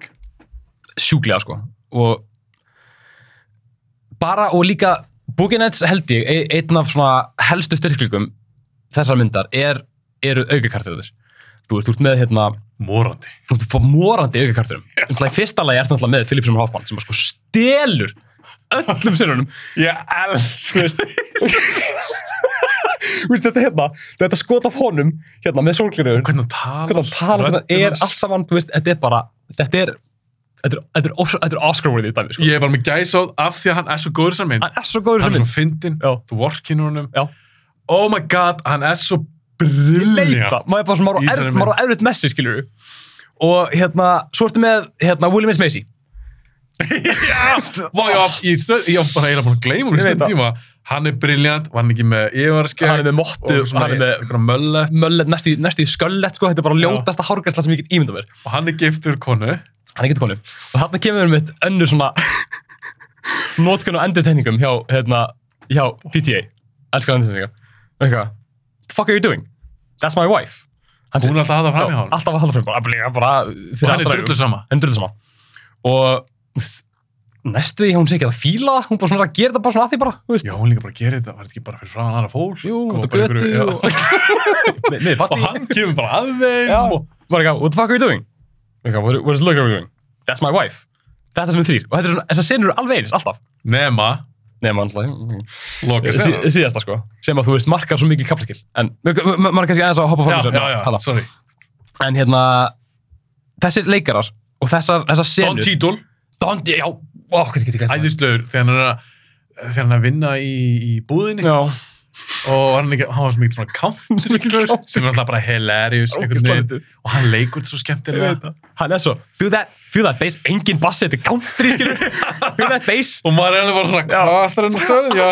hverju? Og hann er svo, þetta er líka svona, svona ímynd, hann verður, hann að vera þessi gaur, hann verður að vera þessi fötum, þú veist, hann elskar country, og svo þarf hann að settur í hérna Rick James búningin hérna, þú veist, og hann situr þetta með er svo fyndið. Allir þessi karakterar mynda þessa, veist, mynda svona bara bakgrunn á öllu saman. Á hátt sem er svona, ég get ekki hvernig alveg komið, komið fyrir orð, en maður hefur séð svona ensemble mynd áður. Mm Það sem að það er fullt af karakterum, bara þeir eru fullt af karakterum. Mhm. Þú veist, kannski versta dæmið, úst, er, er, er ég ekki alls ekki að bera saman búkina en, veist, Crash, Mhm. þannig að 2005 Mhm. útgáðan. Þú veist, bönns af karakterum, Mhm. en þeir eru bara karakterar, bara til að vera karakterar. Mhm. Ógætlega element. Mennur ekki lifandi karakterar? Þetta er Nei, nei, bara þú veist, bara þú svona, þetta er- þetta er ensemble mynd af fullt af karakterum, bara svona, ok, nice, en hvað eru karakterar að gera? Hvað máli skipta þér fyrir söguna? Mhm. Hérna er fullt af karakterum og þú veist, eins og dæmis bara, hérna, hérna, nú er ég bara nafnum þetta út mér, gæðin sem við hliðan á, hérna, konan hans, hérna, Don Cheadle. Uh, Ertu að tala um Töframannin? Já, Heit, Don, heitir hann ekki... ekki Don Rickles, heldur, Nei, ekki Don ah, Rickles. hvað er ég að gera maður? Ég er alveg stengla mér annars. Ég skrifaði hann niður í, Oh, skeggi, nú er ykkur að öskra á okkur. Uh, oh my god, maður. hann er er Heitir hann ekki eitthvað svona J? Jú, Ricky J. Rick, Rick, Ricky J. Ricky J. Já. Hann er mitt, þú veist, er bara í nokkrum völdum sölum, skilur Mhm. um, en þú veist þau, þau, þú veist, þau make all sense inn í þessa, þú veist, þessa stóru mynd Mhm. og það er ekki karakter bara að vera karakter, annarkvort eru þeir eitthvað mótaði við eitthvað annan, eitthvað eina samræðir sem að skipta máli, segja eitthvað dæmi sem að svona, þú veist, þú bara svona, þá kaupir þetta bara sem eitthvað svona heildrend þorp af fólki sem er bara þarna til að búa til eina bokking góða kvikmynd. Og þetta er líka, ef ég má segja á ennsku, þetta er bara svona dysfunctional family Já, sem þetta fólk ekkert þessi skilt í rauninni ég held að enginn hafi skildir það Mm. já, þú veist, sem er hjón og Já, ég vona, já, vona, ég vona, vona ekki. en þau myndir svo skemmtilega heild og það er eitt sem kom bara snögt inn í Mm. og þetta finnst mér eiga af alla myndum hans Andersson að því ég var, að- ég var að að pinpointa bara sjálfur ok, hvað finnst mér svona engjarnir sem góðan leikstjóra Mhm. mér finnst hann alltaf ná, allir saman hvað sem gera Nights, Phantom Thread sem Mhm. eru bara gjör ólika myndir Já. mér finnst hann alltaf ná að búa til lifandi heim Já, hann er alltaf að búa til heim sem við fáum að fylgjast með og hann verður einhvern veginn svo hann ver- hann- heimurinn er svo lifandi Mhm. mér finnst alls ekki allir leiksturinn á þessu Nei. stundum er maður bara eitthvað svona voðalega er þetta flötmynd já, einmitt. Svona, akkur er hann að gera það sem hún gerði síðast? já, ég, ég tala ekki um það, er, Já. einmitt reyna að kópa eitthvað Mhm. eða það er einmitt með Bookiness ensemble piece, margir leikarar Mhm. en þú segir eh, þeir eru ekki pointless, þeir eru ekki bara til að vera þarna en þeir líka mynda ef þetta er málverk Já, þau Já. eru liturinn nákvæmlega, sem, sem Ná- myndar þetta verk nákvæmlega, sko.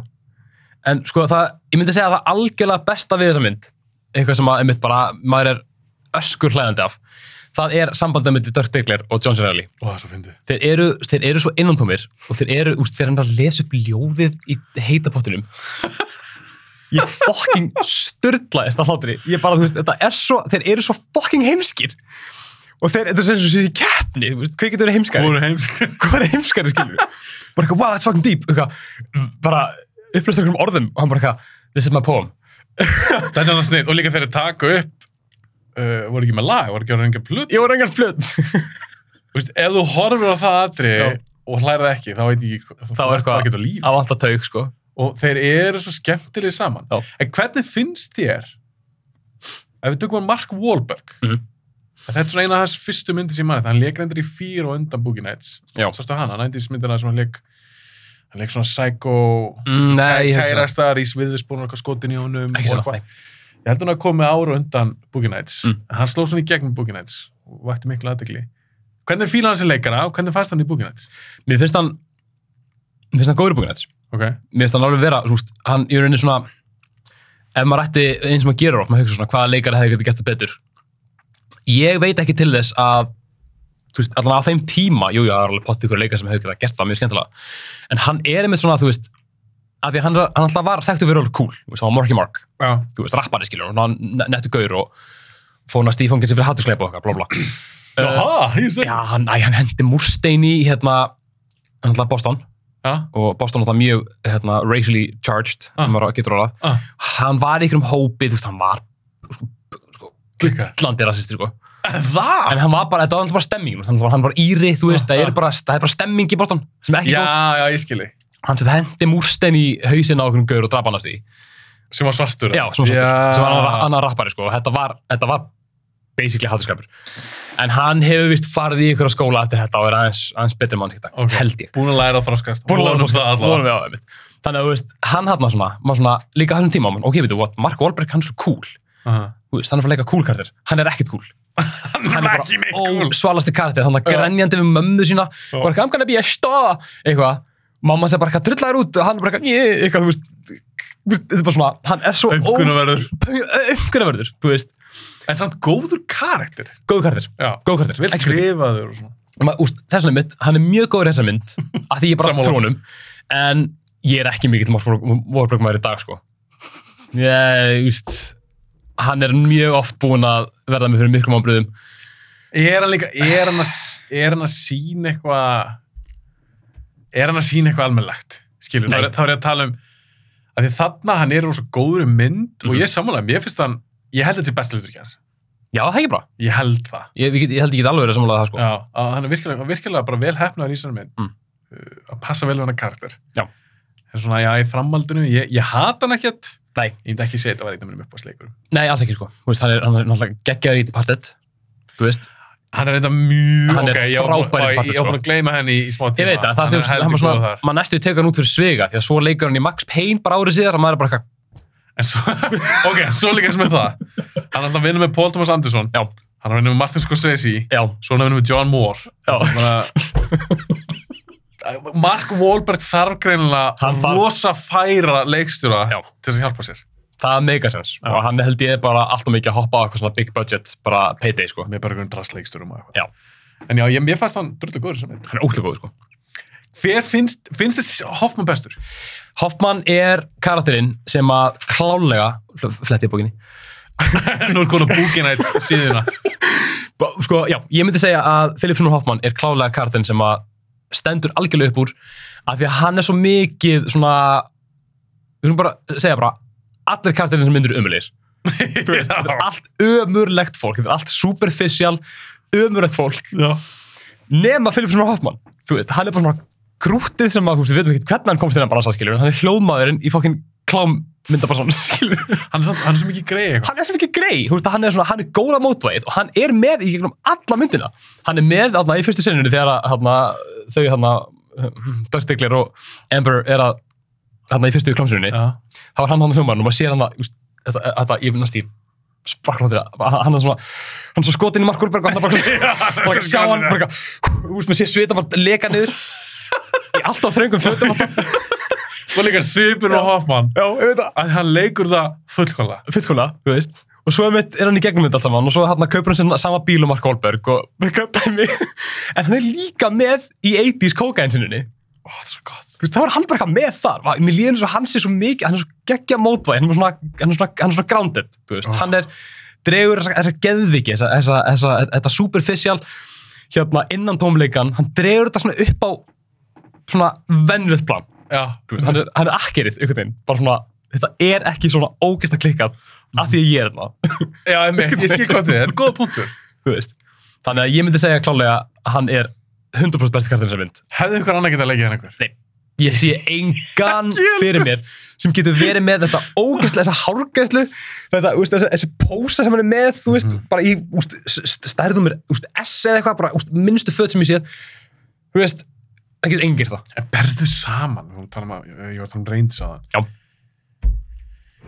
Hann er skeri í Mission Impossible 3. Hann er skeri, er í Punster Glove.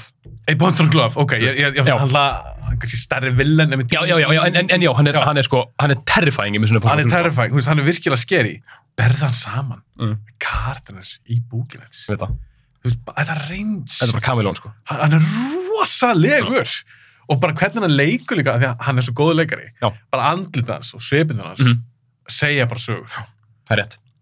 Kannski einmitt á, á, á svona, á svona pingu svona einmitt, hérna, ekki, ekki, ekki ósangjant, en þú veist, einmitt, bara einmitt, hann er svo geggjað vondkall í Mission Impossible 3, mm -hmm.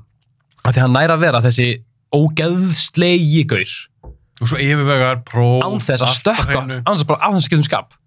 Þú veist, og það skýtur þarna bara fólk og, þú veist, er bara geggja hótandi og bara, bara eins og bara ókslugur. Hann skiptir ekki um skap. Hann er bara, hvað er þessi fótur?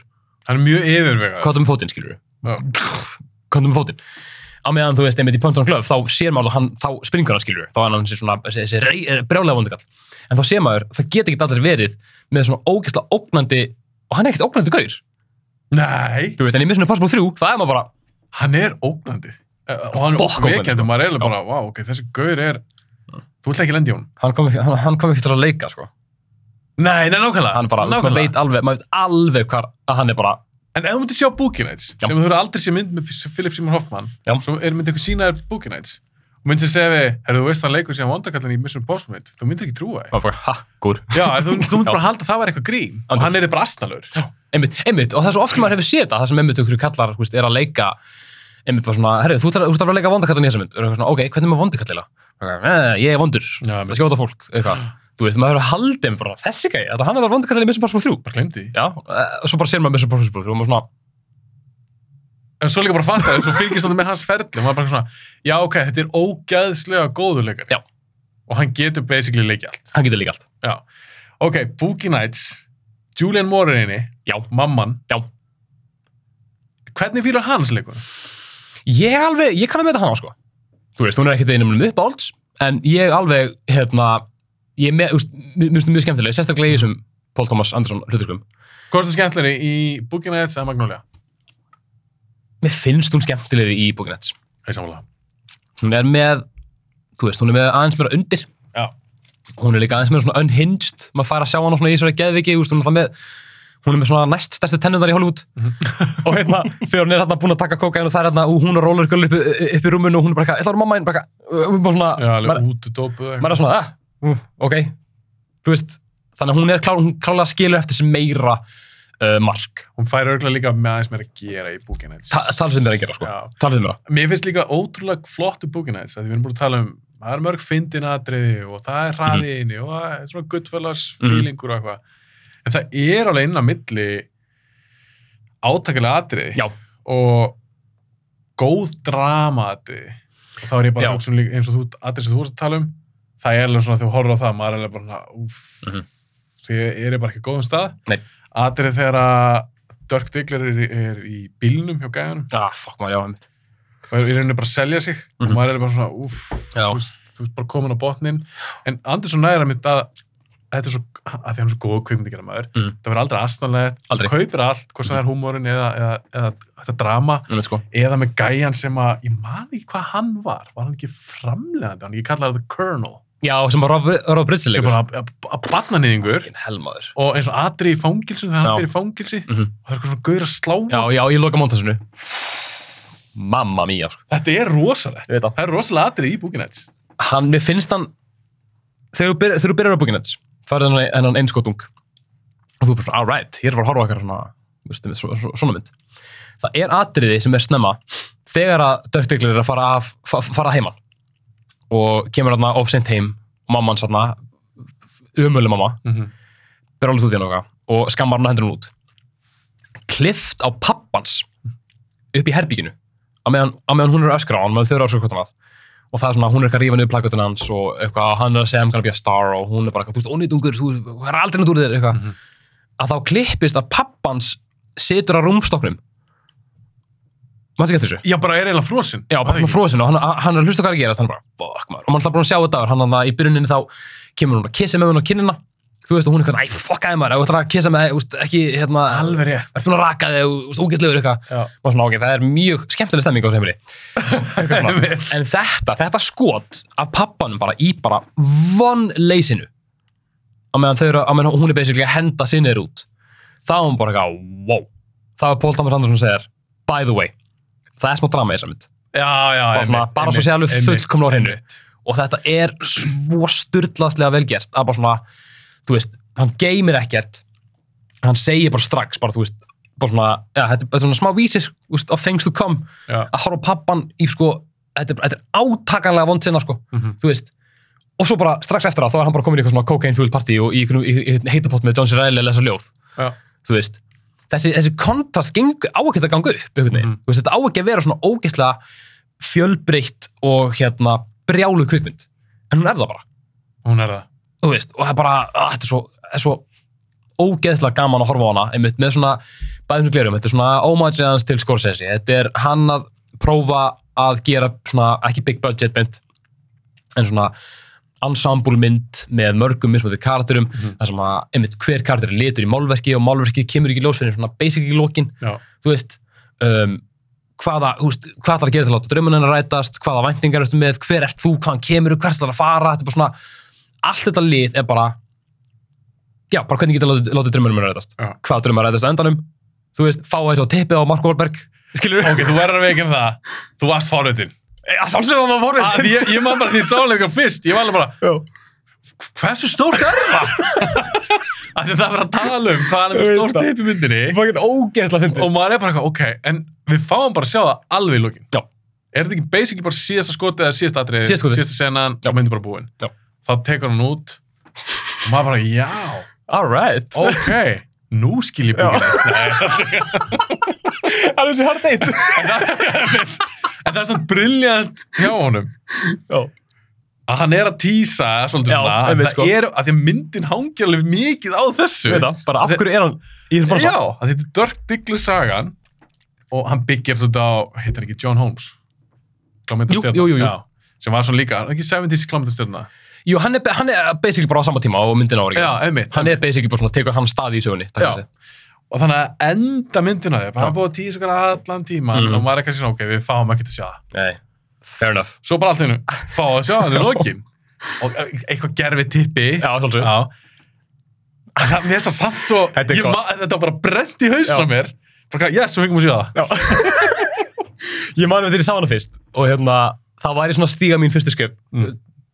PTA á mjög stóran hlut í minni svona svona vegferð sem kvikmyndahámaður Mm. þú veist, maður, veist, ég sá Departed, þú veist, 13 ára eitthvað, ég var bara ekki besta mynd allar tíma eitthvað, þessi bestir í heiminum, veist, það var ekki eins og bara sjá, gúttulega sem neitt Mhm. bara svona ákveða að það var besta mynd, be- besta myndir og ég bara svona, nú er ég kvikmyndahámaður og svo fyrir ég í mennskóla og þá um mitt, hérna, kynir félagi minn fyrir, hérna, kynir félagi minn fyrir mér Booginets. Já. Og í það er fyrsta mynd sem þú sér eftir það. Ég held það, þess Eh. Já, mögulega sá ég þeir eru brott fyrst, man það ekki.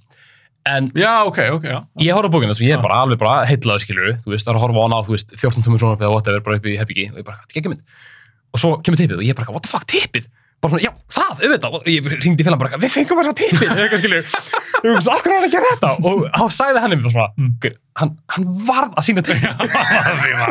Come on, hann gæti ekki gert þetta, þetta er tökja hálsum mynd var, þú, það var að vera smá payoff. Og það er svo mikið talað um ég það. veit það. Og, einmitt, og, ég Og fólk er að sjá þetta, nema við. Þannig að mér veist það bara snild hann skildi sína. Ekki það, að ég er ekkert alltaf að byggja um að ég verða að fá svo tikka á þessu leika. En að þessi mynd hangir svo mikið á þessu. á þessu sko, og, og það er mjög mikilvægt. það er mikið að fá smá pay á þetta í lokin. Og það er líka bara að að þetta því hann er að horfa sig í spegli að sækja sig upp eitthvað Þetta er einmitt svona önnur skósessi, þetta er rosalega svona Raging Bull legt. Hann er, hann er að sækja í nokkrar hérna skósessi, svona að nokkur skósessi þemu. Sækir í Goodfellas, bæðið með svona struktúrnum myndinni og með þessa, þessa, þennan einst, þessa einskotunga Mhm. og svo er hann að sækja í Raging Bull hérna í þessum sem hann er með þetta peppa sig í gang, sinni tippa sér. Munurinn sá að, þú veist, í Raging Bull þá segir hann brandara skilur til þess að svona, veist, sitt payoff, veist, þetta er mín breyting en breytingin á Dirk Diggler er bara hann er bara búin að sementa sig, nú ætla ég að vera í þessum hérna geira, ætla að passa mig að vera, vera edru, ætla ekki að vera ágætlegu skilur Mhm. og þetta er bara úst mitt líf þannig að svona allir þessi karakter að fá flestir, fá svona sitt í rauninni það sem þau eiga skilið Já. og það er það sem að mitt ég elska í rauninni næstu því bara hvað ég elska mest á þessu mynd það er loka montasið af því að þú þú getur ekki verið með ensemble mynd með fullt af karakterum á þess að vera með góða samantækt Já. hvað verður um alltaf það fólk Já. þú veist, hérna, Don Cheadle endurinn hans fær ekki lán til að starta nýri hérna, til að starta hérna, hljó, hljómvöru vestlunni sinni, Mhm. fer hann í ykkur hérna, í sjoppa ykkur kleinurhingi þú veist, allir drepast og hann fær peningin og getur starta búinni alveg rétt maður brjálaður endir alveg crazy. Þetta er klikka, þú veist, hann er einmitt í ykkur manna Rick James þarna fötum, eitthvað, þú veist, gænir að skjóta og þeir skjóta alltaf hann og, og hérna, já, þrýr gærdæja alveg rétt. Búðargæin, gæin sem er hérna við, hérna, bara í, í básnum og hérna ræningin Mhm. og hann tekur peningin og getur starta búin sinni. Færir henni það sem hann átti skilja, þetta er bara, þetta bara góðu gaur Já, var hann ekki alveg góðu gæ? hann var mjög góðu gæi, hann var bara svona bara ágætlega saglur Þokkalega eðlilegur. þokkalega lur, Já. alltaf með hann að henni hérna í gullakjörnum, man ekki hvað hann heitir E- Ekki, þau enda ekki saman nei, hann Hann endar enda með með Laura Walters. Með Lóra allt alveg rétt. Þau, hún er svona mjög svona já, hún, er- hún er ekki mynd stjörnuleik en hún er skemmtileg karðir Já, hún, hún, þau eru líka alveg svolítið skotin á það ekki? Já. Mér mér það. Það, er mjög- gaman að þeim. Svo fáum við hérna endurinn hjá hérna Colonel, það vera löðrunga hann, Fangið sér að vera buffan þar já, bara vera löðrunga það skilið. Mjög, mjög einmitt, hann fær sem hún skilið. Hann fær í rauninni bara það sem hann er bara, bara you reap what you sow. Um, Hvernig endaði með Reynolds? Ég búin að gleyma því Var hann ekki bara að halda áfram að gera bíómyndir? jú, hann bara heldur hann að gera bíómyndir og maður svona, mann ekki, mann ekki alveg það er einmitt lokasinn sem hann er að segja action eða eitthvað og hann svona annarkvært er svona, annarkvært er svona eða bara svona, ok, fuck it, þetta er geri Overdosaði Julian Moore? Nei. Var það eitthvað rollegull? Var ekki eitthvað sem overdosaði? mm, Það er að ruggla það var sena bara í, hérna, í rauninni fyrsta partíinu það sem að er bara eitthvað random gæla sem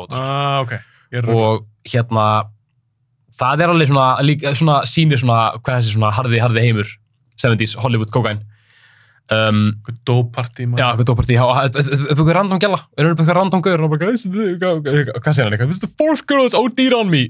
Já og þá kemur dræfirinn hans hérna Burt Reynolds eða, dræfirinn hans Philip Baker Hall. Philip Baker Hall er eitraður sem mitt báði Var hann ekki lítið í henni samt? hann er mjög lítið sko, hann er mjög lítið hann er svona, er annar pródusser sem að kemur og er að peppa hérna home, vid home video það er next big thing. Ah, og Burt já, Reynolds er bara eitthvað fuck you, það er ekki að fara ekki að að gerast Hann er bara í bíó. Bíó forever sko. Og einmitt, hann hérna þessi dræfir kemur til hans og hann að lögrungan hann til og bara segja hei, bara ekki kæfta þessum að koma sér gælu út.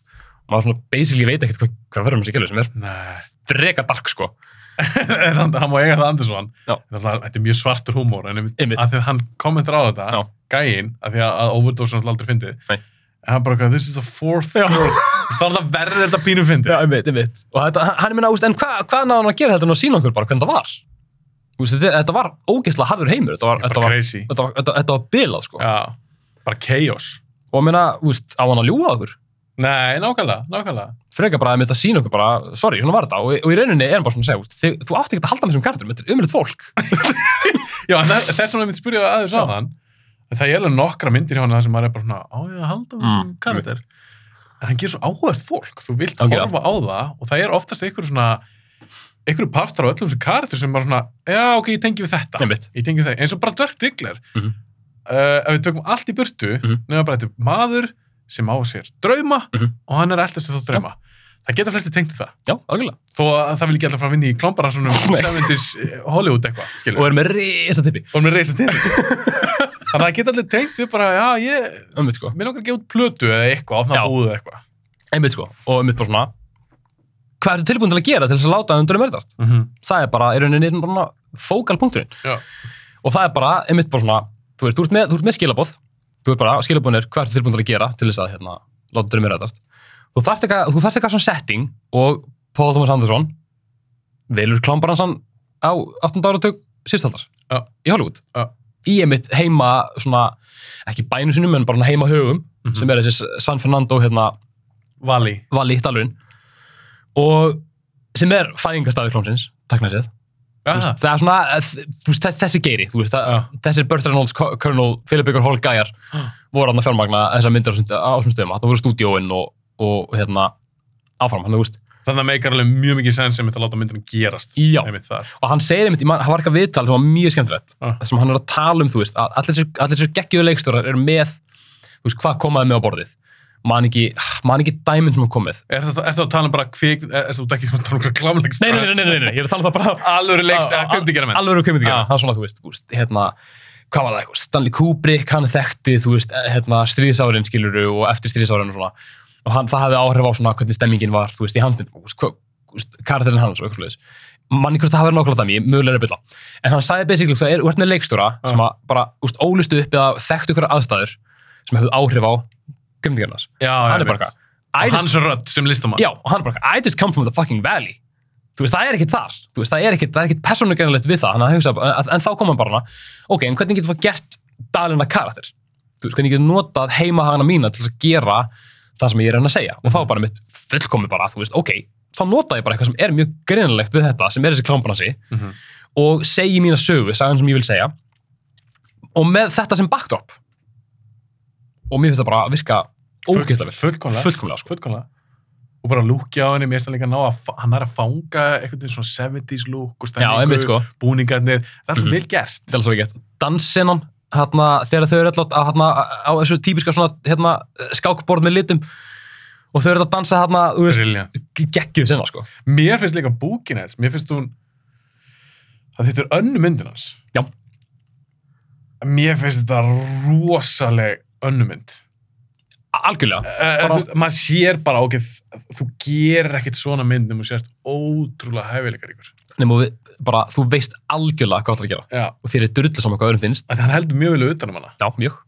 þannig að mér finnst það svo ótrúlega að hugsa til þess bara að þú, líka Andersson að ég segja, ég, mér finnst gaman að gefa hann annan séns en það er svo Mm. margir sem hafa komið til mín sem bara lofsa hann bara, hann er komið bara í líka bara einhverja svona dýrlingatölu Mhm. hjá komendingarmönnum og ég sé það alveg núna og maður sé Já. bara, eitthvað, þú veist, þessi gæi er alltaf bara, Þú veist, sko. hann er rosalur Ef að fara að færa okkur yfir í Magnolia, varstu með Já. okkur fleiri púnta Nei, ég held þessi góð, sko. Bara, bara, bara benda á tónlistina í Boogie Nights. Gekki. soundtrack er byrjað og það er alltaf tónlist það er líka sem ég elska við, við Paul Thomas Anderson einhver sem að færi sig yfir í Magnolia þú ert alltaf með eitthvað undir nema í þessum algjörlega þungavíkta sinnum úst, þetta er í hugar hérna, þegar að hann kemur Er það nú skor, það nú lög? Lög. Já. í rauninni bæði meiri skor í Magnolia. Mm en í Boogie Nights þá er þetta alltaf með þessu svona 70s svona di- disco og rocklög. Og úst, eina, úst, eitt aðrið með þetta í huga sem er ekki tónlist það er með þegar að hann kemur tilbaka og er að beða Börtanlands fyrirgefningar. Ekki tónlist þar. En- Það er gott aðrið líka. það er ekki aðrið sko. En sen er einmitt það sem hann, hann runga, runga sér í bílunum og gænar að horfa á hann hann, hann getur ekki fengið á. Meðan er hérna mjög átakanlega vond aðrið þegar að hann hérna, Bertanlas og Roller Girl er hann að gera eitthvað nýtt í, í limósinunni, Já, mitt. þú veist þetta er svona geðvett vond en það er tónlistundir ja, ekki tónlist, það er svona, þetta, svona bjölluð þema sem hann er búin að vera að vinna með í bæði Hard Já. Eight og Boogie Nights. Þú tekur ekki eftir þessu, en þetta er stemmingin. Vá, ég, hef- ég myndi þetta ekki. Þetta er nefnilega alveg átakanlega gott, sko.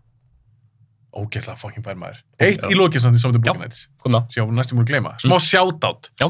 á Alfred Molina Já, maður, god, hvernig gott maður glint honum, og Thomas Jane. Og, og Thomas Jane! Þeir, þeir eru ekki mikið í myndinni. Nei. Þeir eru svona eftirminnileg. þeir eru, minna, koma, þeir, þeir, þeir, rúna, þeir rúna af þessa mynd, þarna þegar hann situr í sofanum, hann og Thomas Jane, og er að segja þarna upp á það sem hann ætlar að segja, er að, þú veist, enginn heyrir í honum og þeir, þeir eru eitthvað, þarna, Cosmo er að sprengja fokkin, hérna, hérna, hvað er það, eitthvað, it's Cosmo, he's Chinese, Mhm. besta línu myndinni. it's Cosmo, Var ekki he's Chinese, var hann ekki í, í slopp? Hann í Alla- slopp. og Speedo. Já, mitt. Og hann var líka eitthvað svona psycho drug dealer eitthvað. já, hann var svona algjör kongur eitthvað og bara með Thomas Jane í svona sinu, þú veist, eitthvað, eitthvað, you're gonna, you're gonna go up your room, you're gonna open that safe, enginn heyrir í honum, þú veist, hann er bara að setja sig veginn, þú veist, oh my god, hann líka, hann fara sem hann á skilið, bara hagla upp þessu skot í bringuna, sko. Já. Þetta er svo skemmt aðri. Þetta er klikka atrið og mér bara svona, af hverju er þetta atrið sem mynd? Þú veist, þetta er svona smá dark horse veginn, en þetta bara svona, hvernig klárar þú geðvíkina? Þú er búin að byggja upp svo mikið af geðvíki, Já. þú gera bara með því að vera með eitthvað brjálað standoff Mhm. það sem er ykkur, ykkur, ykkur kynversku gaur í speedo að henda fucking hérna kvettetum og þetta er bara svona ógeðslega vond stemming Já. og þú sér það bara, sér það bara þeim þeir eru alltaf svitnandi, rauður í augunum þú veist bara eitthvað, bara eitthvað, þú hvað er í fucking er í gangi þú veist, þeir eru alltaf að deyja, bara eitthvað, alltaf að bregða og þú veist, þeim, þeim bregður alltaf mikið þegar það springur eitthvað, alltaf mikið og þú ert Þeir eru bara, líka svo stressa. Já, þú ert svo stressaður. og gæðin þetta smakka, smakka hérna, hérna matasvotan, þú veist, í hinni herbygginu er þú veist, hvað er að fara að gerast? Þetta er líka, þetta er spennandi aðri. Þetta er ógæðspennandi, Já. það sem ég segja Þetta er alveg mjög spennandi. og svo kemur bara lokamántasið og myndin er búin Var þetta svona seint í myndinni? Ég er búin að gleyma þetta var bara, þetta var bara bókstæðlega síðast sem gerist í, þú veist, narratífinu, skiljum Já, þetta var svo seint. þegar þetta aldrei er búið þá sem sagt, fer hann aftur tilbaka og byrð fyrirgefningar svo kemur loka, loka mántasið og svo kemur hérna reytingbúl Já, Tilbaka, já, já, ok, alveg rétt. Ok, færum okkur yfir í Magnolia. yes. Og það er mynd sem er nummer eitt hjá þér. mér finnst þetta svolítið skemmtilegt þú veist að þú ert með búkinn sem reitt Mhm. nú er ég að fara að segja það hverju magnóli er Já, og Magnolia er samt svona mynd, ég fór að segja stuttum hana, ég var að sjá hann bara í annarskipti. ok, Ég kefti hann á DFT í gamla dag, ég Mm. sá hann ekki í bíó, sá hann bara heima. Mm. Og ég man að ég var fyrir svo miklu vombrum.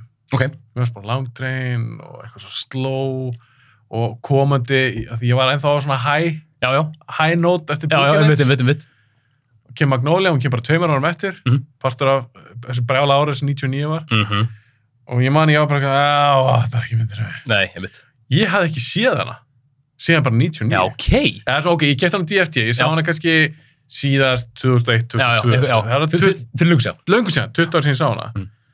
Og ég var pínu svona, uff, ég veist það er þryggja tíma mynd og ég var bara Einmitt. eitthvað, ó já, fuck, ég þarf að horfa á hana aftur já, Það bara, að ég, ég tjekka á henni. Ég var smá blown away. nei, ekki Ég var þetta er ógeðslega þetta er góð. svo fucking góð kvikmynd í Og alvörunni auðvitað líka munu fyrir mig. Ég sé hana kannski síðast ég var 19, Já. 19-20 ára. Nún er ég orðin 38 ára, búin að sjá fleiri bíómyndir, Mm. þroskaðari. Eh, Ég skildi hann líka bara betur. einmitt, En ég var bara, vá, þetta er góð mynd. Og hann svo hefur góð mynd, sko. hann, hefur- hefur sagt í viðtali, ég held að það sé reynda svolítið síðan. Og sagði hann, Magnolia er líklegast besta mynd sem ég nokk sem gera.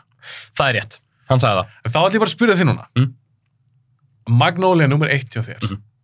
Af, Pó- af þessum Paul Thomas Anderson myndum, að því við erum sammálað að hann gerir margar heldur góðar. Mhm.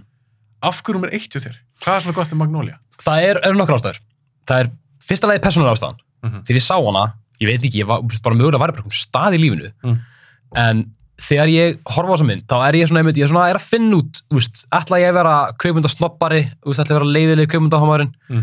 eða ætla ég bara, bara að drekka þetta í mig og bara, þú veist, bara ride the wave og ég held að Magnolia hefði bara svona hjálpað mér að bara svona ekki vera snobbarinn, Já. ekki vera leiðilegi gæinn sem er í partíum bara, hvað hefur ekki Fiction Mm. þú veist, horfa þessa mynd njótt hennar, horfa hann aftur greindan í döðlur og bara, þú veist, þetta, svona er þetta skilur þú veist, horfa gott bíó og þú ert bara að segja fólki, bara, ef, ef, fólk vil heyra það að segja, þú veist, ekki fara að vera gæn í partinu og bara, herra, ja, allir all, all, allir sestir, ok, herru, nú byrjar kynningum Magnolia, skilur við en þú ert bara að fara, bara svona, bara, þú veist, það, hefur sem Magnolia, já, ég hefur sem Magnolia, já, hún er geggjuð, hún er geggjuð. Tölum að sem hana, það er, ég er bara svona ég lærði basically, ok, þetta er þetta er hvernig maður er að vera kveimundahómaður að því upp á því, þá væri ég bara búin að vera bara, þetta er bara svo gútfölas, hvað, ertu, hvað, Mhm. umlöður eða eitthvað svona, ég var ógitt til típa Þannig að Magnolia hjálpaði mér svona svo mikið bara að horfa geðveikt solid kvikmynd sem er með þrýr fucking tímar. Þetta er er ekkit lé- léttmeti, En þeir líða svona. Þeir líða eins og 90 mínútur. Og ég með þegar ég sá hana fyrst, þá var ég bara svona, "Bíddu, what, er klukkan á hann fucking hálf eitt. Bara, ha, hvað meinur? Ég held að hún væri bara, þú veist, bara 11 ennþá. Af því hún er svo hröð að gerast. Og svo er það bara, þú veist, þegar ég horfði á hann í annarskiptið, þá sm smullu allir, allir. Plottið hjá, hérna, eh, John C. Reilly og Möller Walters. Uh, plottið með William. Macy. Plottið með, hérna, með Tom Cruise. Mhm. Þú veist, allar þessar sögur og fucking spurningakefnin, skilur allar þessar sögur náðu bara einhvern veginn að sama á með Boogie Nights, bara hvernig gerir núna big budget uh, ensemble mynd allir karakterir hafa eitthvað að gera allir karakterir skipta ógeðslega miklu máli upp á narratífuna um, þú ert með payoff og payoff og payoff þú ert að læra hvað að gerast þú veist, veist, ekki, eins og, ekki eins og í Hard Date það sem að virkar mjög vel að, að, að payoff er mjög seint þannig að þú lærir um hvað myndin er ágætt seint það er alltaf engin saga takk sér í þessari mynd. Þú veist, ekki ein saga. Nei, Þetta er nei, bara- nei, nei, nei. en þetta eru nokkra sögur sem eru að gerast. Hann hefur sagt að það sé basically gerast allt saman á saman ferkilometrunum Já, einmitt, einmitt. þetta er bara- já, þetta er bara- já. þetta er bara ein gata. Mhm. en hann sagði þú veist að hann ætla, ætla að láta vera svolítið svona, svona, svona ljósara en svo að veist, það kannski mun bara rögla fólk meira. Hann er bara frekar að það sé svona en það er alltaf að gerast bara þú veist, í kallfærð næstu því sko Bara litlu sveiði. mjög lítið svæði allar þessar sögur Mhm. tvinnast saman í eitt og það er bara grundvallar þemaðans Paul Thomas Anderson sem er bara Redemption Mhm. vonir fjölskyldu tengsl hvað ætlar að úst, hva, hvað gerur til þess að leita hamingu skilur þetta er bara, þú veist, þessi kvikmynd Svo komin. Fuck, Ég var, veistu það, gaði mér upp, ég, sko. ég var, ok, það voru tvær myndir. Já. Af þessum Andersson myndir sem ég horfði á. Mm. Síðan var það bara svona, að. Já. Ég var bara svona orðlös. Og þetta var báða myndir sem ég séð. Já. Og báða myndir sem ég var búin að afskrifa.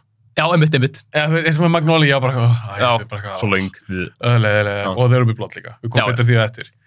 En Magnolia, ég var alveg bara, ég var eiginlega bara, hausunum sprakk, að þetta er svo ótrúlega góð mynd, þetta er svo góð dramamynd. Mhm.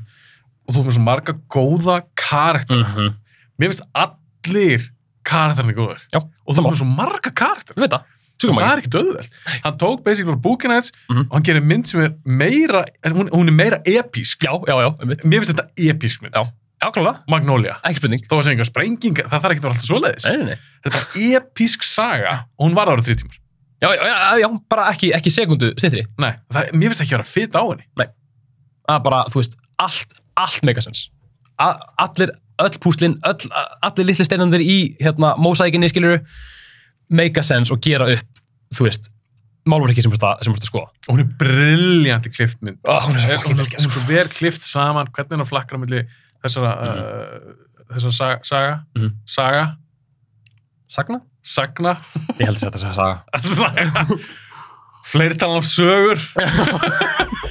hvernig hann flakkar á milli, þetta er svo ótrúlega gert. Mhm. En mér veist líka, stundum þegar myndi gerir þetta, og nokkra sögur og það er verið að flakka á milli, Mhm. ég finn það stundum í talangjum með að mikið flakkaði eitthvað svona fla, eitthvað flaspö Já, já, eitthvað svona flakka mikið í, í milli tíma fyrir mig persónulega þú ert það rosalega fær að því stundum er ég bara svona að mér finnst bara þessi að það er skemmtileg Mhm. ég nenni ekkert þessari getur fara aftur í einmitt. en þarna var ég bara svona wow, wow, Tom Cruise hann gett einmitt. Williams Macy, Já. hann er eitthvað var eitthvað svona boy genius Já, já, það er áhugavert og hann er að glíma við eitthvað sitt í dag Einmitt. John C. Reilly sem ég veist þetta gæti mögulega mínu upp á John C. Reilly framist það Samla.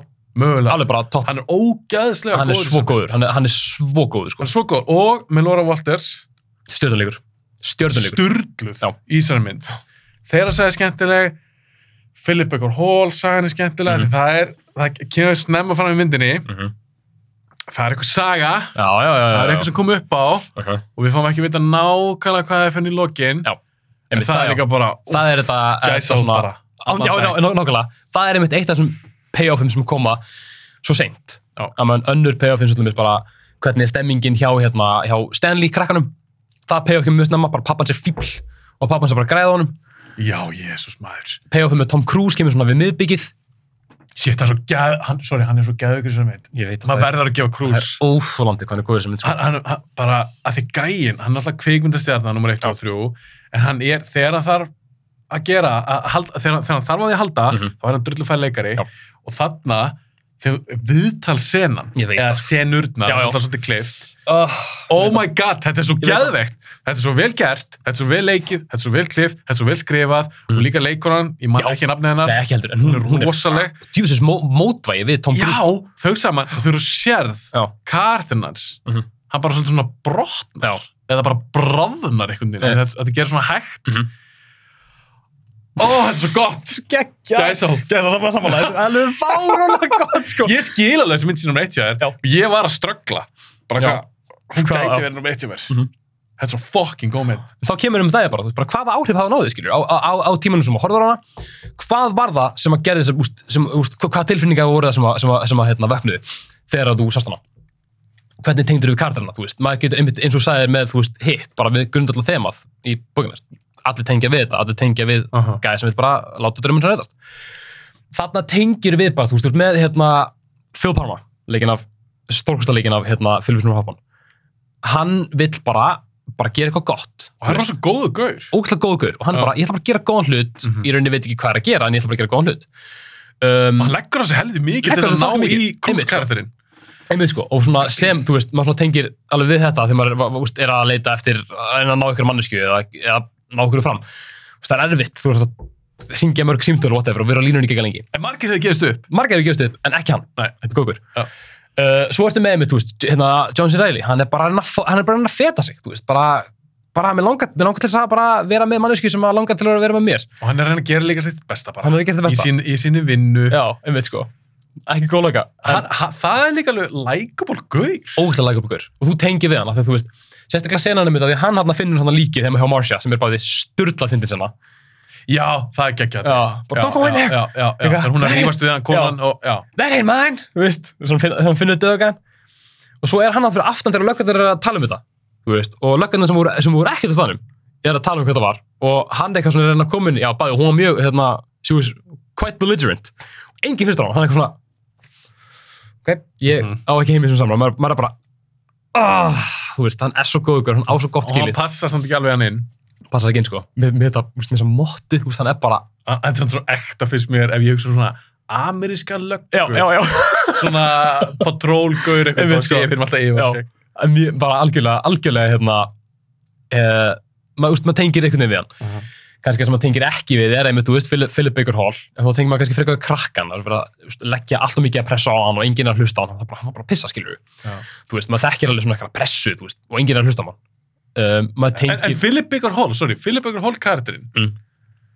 ég man ekki hvað hann hétt, hann var eitthvað svona movie star eitthvað, Jimmy, Jimmy eitthvað. Jimmy, Jimmy Gator. Jimmy Gator.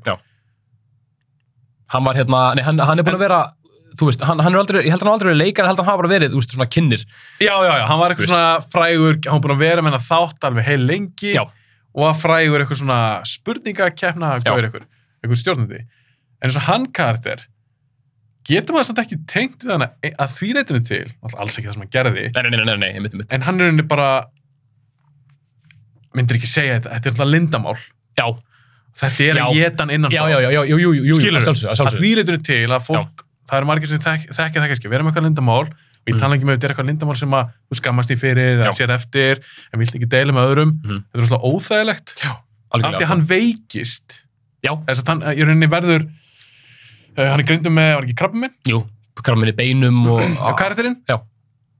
ég er að pæla, var það eitthvað svona viljandi gert upp á sína nú, ég, ég bara segi eitthvað, verið eitthvað að verið að Andersson sér hann að sína að Lindamáli sé að geta hann innanfrá það þetta var Já. aldrei tæklað þetta, var, Já. þetta kom aldrei upp á yfirborðið Mhm. ég, ég bara, kenning getur bara vel verið sko það minna það múst að make a sense af því að þú veist af því að hann er einmitt með þessa, þessa personu og maður sér að þú veist munurinn á honum þegar hann er í þegar hann er í mynd og ekki mynd Mhm. hann er bara, úst, bara blindfullur bara, og bara fucking hata, hata sig og allt kringu sig svo þegar hann kemur í mynd þá er hann bara halló og bara gegn mjög stemming að jú einmitt, það make a sense. Ég meina, hann, er, hann er búin að láta þetta geta sig upp og hann einmitt klálega sér eftir þessu.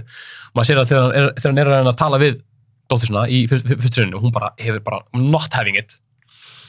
Að hann er einmitt þessi svona redemption örk kannski hann og einn annar karakter. En hann redeemur sér samt ekki. Hann er nýttimins ekki, af því að hann á það ekki skilið. Nei, það er svo, svo, það er svo sorglegt Já. en samt svo rétt Já. en þess að þetta er svo briljant mynd og svo briljant vel skrifað að því í lokin þegar Mm. konas Mhm. tala við hann Já. og spyr hann bara, point blank gerður þetta, Já. brustu á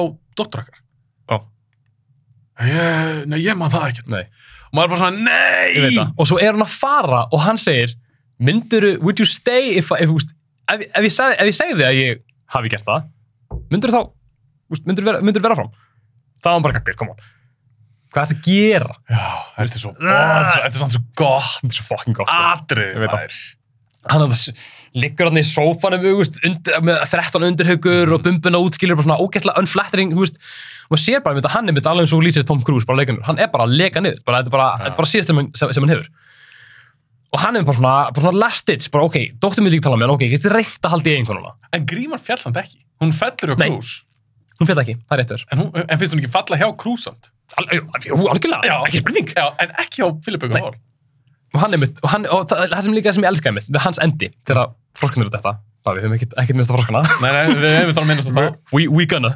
Að hérna, þegar að hann hérna, hann reynir að skjóta sig, og getur, hann, hann, hann fari ekki að tenka fyrir þess. Öllugin skerast inn í, sem, nei, þú ætlar ekki að ráða hvernig er, þú er. Froskanur ætlar ekki að ráða. sem er brilja Það er fokkin ógeðslega gott, sko. Já. Þannig að, hérna einmitt líka notar hann svo ógeðslega mikið að einmitt svona, þú veist, þessum, þessum, bæðisum þema, thematísku hérna, pælingum, hlutverkir Redemption, leitin að hammingunni og svo er hann líka með, þú veist, þessa einskotunga og á ég að treyna mér eitthvað orða, þetta orða. það er það engin, ég er nokkuð að engin hafi sagt þetta, ég er 150 pluss þáttum Ah, en til hamingi, þú mútt eigin orð eins skot, skotungar, get ég Ein- sagt það Einskotungur, einskotungur, já. Ok, hann er að nota það mjög mikið. mm -hmm. Nota það á bæði svona, nokkuð svona gratuitously, bara þú veist, bara svona, vá, þú veist, er, er myndavel ennþá í gangi, spyrum við stundum. Karakter að tala mjög lengi, eitthvað svoleiðis. Um, en ég myndi segja að svona fókalpunkturinn í þessu er feður og sinnir. Mhm. Það eru svona stærstu svona punktunir. Já. Þú ert með Tom Cruise og svo ertu með þarna, Jason, Robards karakterinn. Mhm. um, svo ertu með Emitt hérna uh, Philip Baker Hall Já. og alltaf ok, úst, dóttir þá Já, þú byrst að tala um bara uh, feður og, og, og, og, afkvæmi. afkvæmin já. Já. og núna, núna er það actually blóð afkvæmi Já, þeir eru skild, já. já. og svo ertu alltaf með Stanley og hérna pappa hans Pappa hans, já. Spurninga, keppni, Já. keppnadóti. og bara svona, ég held að Tommy hafi summað þetta bestu upp. Hva- hérna, nú horfum ég á, á hann hvernig eh, á ekki að vera fóruldri eða eitthvað liðis, Já. mann ekki alveg hvernig hann sagði þetta, sorry Tommy Er það Magnólia? það er mjög rólega, bara Mjög góð punktur. að því að þú veist, þetta er einmitt bara svona, þú veist, er með son sem var yfirgefin, er með dóttur sem var bara, ég meina, hann bara rústa lífinu hennar og svo ertu með bara svona, svona rústing sem er bara svona í gangi, Mhm. þú veist hvað aflengar hefur það, hvernig er það, já, aftur og líka William, William, William S. Macy, fóröldar hans fokka hann upp Já, einmitt. þannig að þetta er svo ógeðslega mikið svona bara, þú veist, hvaða aflengar hefur það að vera bara með ömulega fóröldra á bakinu Líka eitt annað sem ég finnst Magnólia að vera svolítið um. Mhm. Að ég oft hugsa um, þú fær kannski í maturbúð Mhm. og það er kannski ykkur undar rauðin. Ég veit ekki lendi í þessu nákvæmlega svona persónulega sjálfur. Mhm. Bara heilt sögur og manneskjan þar á kassanum hraunar yfir starfsmannin. já, og starfsmæðurinn bara fyrir kannski bara gráta, þarf að fara Mm. heim og, ég tala ekki um maturbúum, það er oft ungir krakkar, Já. úlingar og maður skilur bara ekki hvað er að fólki en pointið mitt með þessu er Mm. það eru allir með sína sögu mhm, og það hafa flestir gengið með eitthvað shit mhm og maður ætti að sína fólki virðingu að þegar maður sér það í er alls konar fólk og þau eru öll með eitthvað sögu öll með eitthvað á bakinu Mhm. og mér fannst þetta bara svo töff hvernig þetta endurspeglar í, þetta endurspeglar svo mikið í raunveruleikum Já, já, einmitt, einmitt. Þetta er mjög raunveruleg mynd. já, þetta er raunveruleg mynd Sjúklega raunveruleg mynd, sko. og rosalega, hún er rosalega mannleg Já, ekki smá. Að, já, þú- bara út með svo mikið af, þú veist, svona, já, bara ást af, af þessum svona mannlega þætti, nákvæmlega. Ég er alveg, alveg bara 100% samanlegar. Mhm. Hún er svo ógslag mannleg, þú veist, bara, þú veist, hvernig, þú veist, það er svo oft í kveikmyndum að svo sér mannesku gera eitthvað að segja eitthvað sem engin manneski myndi það að segja. Mhm. Þú veist, þú kannski einmitt bara, hérna, sérðu eitthvað vera hraun yfir, yfir eitthvað í búðinni og í kveikmynd myndur vera bara, hei, hættu þessu, eða eitthvað skilur. Mhm. En í raunveruleikunum, þú veist, maður leitast ekkert eftir ykkur confrontation. Nei, og margir segja ekki neitt. Nei, einmitt. Það kannski, úst, það sem einhver myndi gera var að fara til manneskinn sem var á kassanum og segja bara, hei, ég er að með þig, úst, Mhm. ég, skal, ég skal vera betri, eða ég veit ekki. En það er enginn að fara að vera bara eitthvað svona, herðu, nú ætlum við að gera, hérna, við, hérna, nú verður bylting í búðinni, nú ætlum við að hætta svona, úst, það er enginn sem gerir það. Nei, nei, nei. Um, þannig að, úst, eins og bara Julianne Moore, þegar hún er að, hérna, hérna, panta öll, hérna, öll lifin, Mhm. þú veist, og gæin hérna bara eitthvað, já, það er alltaf partí, og hún eitthvað svona ógeðslega starfsmaður. ömurleg stemming Og það var hvað að gera? einmitt, en hvernig bregst hún við? hún bregst svolítið svona astanlega við hún bara svona, bara svona gólar einhvern veginn þú veist, á meðan þú veist, í svona Hollywoodmynd Mm. það hafa verið bara eitthvað, nei, þetta er brota mínu réttindum eitthvað, hún hefði verið með einhverja ræðu. En hún segði þeim bara að sjúga tippið á þessu og svo bara svona stundin svona út. Já, en þú Þú líka, veist. einmitt, þú svo ert alltaf að tala um manneski sem að hún er svolítið er brotin mjög brotin sko, og hún er að missa mannin sinn. Sem hún er alltaf náttúrulega Já, sem ég veist líka ógeðslega áhugavert. það klikka Já, bara sko. það er svo geggja, því hún er henni segið var ekki við lögfræðingin lögfræðing kallsins Já. henni leið svo illa að því hún er líka hún að svíkja manni sem svo Mhm. oft. Hún bara að halda fram hjá honum og hún er Mhm. að viðkjönd allt fyrir og Einmitt. hún var að byrja þetta inni. Mhm, og þetta brýst einhvern veginn það út og þú getur ímyndað líka tilfinningar fyrir mannesku að því hún, núna er hún að missa já, þú getur ekkert bakka núna. Nei. það er ekki hægt. Nipp og henni líður svo illa yfir þessu. Og það er svo brillant veit, þetta er svo góð er sko. og svo þú veist, þá bara í rauninni getum við komið inn í ég síndi vinnu mínu þessa mynd. Ah, sem hafði aldrei séð hana? Já. fyrir stuttu? Nei, þetta var sett á tímanum, þú veist, þegar ég er Já. svona 17, 18, 19 ára. Ah, og ég er bara ekkert besta mynd allar tíma svona, verða, úst, það verður ykkur fleira að vita hvað þetta er. Mm og ég er að fara að sína fylgum mínum hana við erum, þeir eru þrís Já. og hérna, þeir eru, hvað, erum við að horfa á Magnolia, úst, erum við að horfa á nei, nei, nei, nei, ekki googla. Af því að ég vildi ekki spoila froskastunni af því að mér fannst það að vera svo ógstlega fókal punktur, já, já, já, já, það er mjög eftirminnilegt það er ógeðst eftirminnilegt, sko, og ég er bara svona, bara, úst, því að mér líður eins og, þú veist, fyrir mannesku sem er kannski ekkert svaklega mikil kveimund áhámaður Mhm. og er þetta smá slog, þú veist, þarf alveg að fylgjast með. Já, já, já, já, þannig að mér leiði svona eins og froska sem hann væri veist, þetta geðveika payoff Ah. veginn, þú veist, þú verður að sjá þessa fucking froska rigna, rigna, og allir eru bara, bara ha, þú veist nema náttúrulega Stanley, hann bara hm, this is something that happens, Mhm. sem er mjög cool þannig að ég er bara eitthvað svona, þú veist eins og margir vita sem eru að sína mynd ég er bara hérna, skilur stressaður. Bara svona, please, fílið þið fórkassinuna please, ég er búin að, I've, put so much work into this, skilur svo kemur fórkassinnan og það segir enginn eitt af því að mér úst, fólk er bara ekki að tökka, wow, froskar. En svo myndin er búin, það er bara svona, aðja, hvernig fannst þér? hvað fannst ykkur? eða fannst ykkur? og þeir eru bara eitthvað svona svo svona það voru froskar.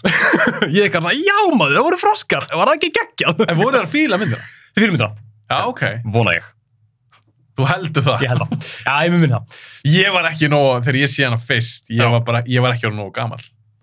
Það, það, Nei, ég sem ég mein, hvað það sem ég meina er að ég sá hana, sé, kannski 19 ára Já. 20 eða eitthvað, ég fann það bara því að horfa hana núna. Mhm.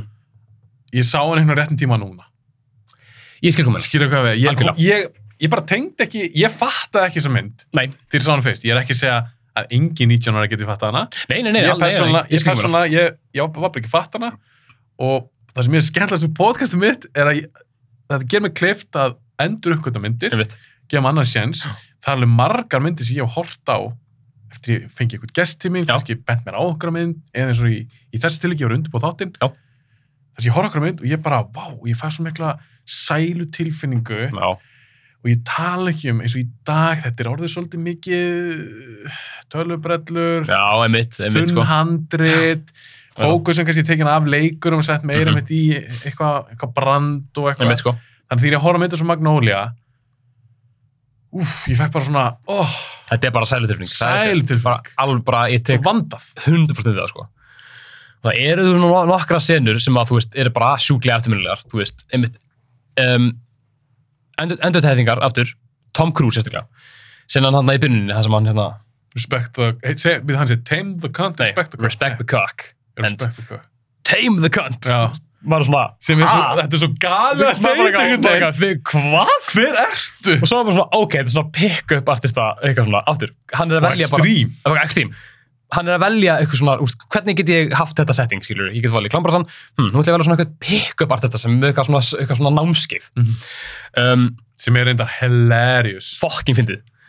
Hann er hérna bara algjörlega með allt valdið á hérna, á hérna salnum, skilur hann er að segja um hvað hann gerast, fletti í bókunum ykkar, bla bla, have a good lunch. Svo finnum við viðtalið. Þar valdið fokkast upp, hann hefur ekkert vald lengur. og þú sérð alveg hvernig það er svona Já, það, það, það, það rennur einhvern veginn þú það er svona, missir það bara hann missi það bara. Maður Þú maður sérð það. sér gríminu þetta af, alveg svo sagði hann. Svo kemur hann aftur á svið. Ekkert vald. hann veit ekki hvernig að segja Já. hann er eitthvað, segir vitlis á, vitlis á blaðsjöðu eitthvað og hann bara flipp bara hendir borðinu upp og hann er bara, hann er bara brjálaður og þessi endursetning, þessi, þegar maður byrja þess að sinna saman, Mm. þeir eru teknir upp svipað þetta er bara hann á sviðinu með ljósið á sér í þessum ógeðsta ljóta búning Mhm. Þetta fokkin leður vesti eitthvað? Ógislega fyndið. ógeðslega sko, búningur, svo. fokkin hilarious. Með þetta, þetta hérna hár í tagli, þetta er bara, þetta er ógeðslega bara fyndið. Og bara munurinn. Að sjá Já. þessar senur, hann er bara allt valdið að búið að kippa fótunum undan honum. Hann er bara bokk maður. Og svo þegar það er búið að það er mitt, hann er undan því segi þá bara, hefur bæði, pappin er, er búin að er að fara að deyja, gæm, mástu gæm sem yfirgafið og hann er bara fuck, hversu mikið er þetta að leggja við eina mannesku Já. Þannig að, og það bara sýnir bara, ég ándurs hann er þetta fucking vinna áskanir fyrir þessa mynd sko Mér finnst það bara krús í þessari mynd. Ég, ég myndi alveg eftir að hann var í henni Mm. og ég myndi eftir, já, í minningu var hann bara svona, já, hann var alveg góður. mitt. En þetta er perfect casting. Mm. Þú þart mann fyrir þennan karakter, þú þart mann eins og krús Mm. sem er svolítið svona á toppi veraldar og Einmitt. hann er myndalegur og hann er flottur og hann er svona reyndar hefur maður heyrt sögur af, af krús hann sé rosa, rosa gott að vinna með honum og rosa almennu gæi. Já, það er sett, það er satt en svona ego Já, og þú hann er, svona hann, hann er stór. Já, ég meina, hann eins og í Vístikirkjuna hann er alltaf bara number one þar sko. og allir að strjúka honum þar og Mhm. hann er svona aðal gaurinn. Já. þú þart svona leikara til þess að leikana karakter. En mér er bara svo gaman að krús hefur til í þetta. Ég veit það.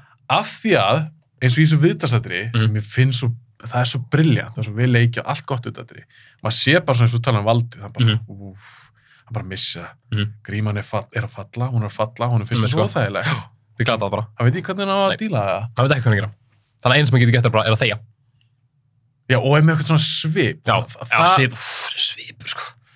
er bara og svona hann, hann bara hatar svo konu Já.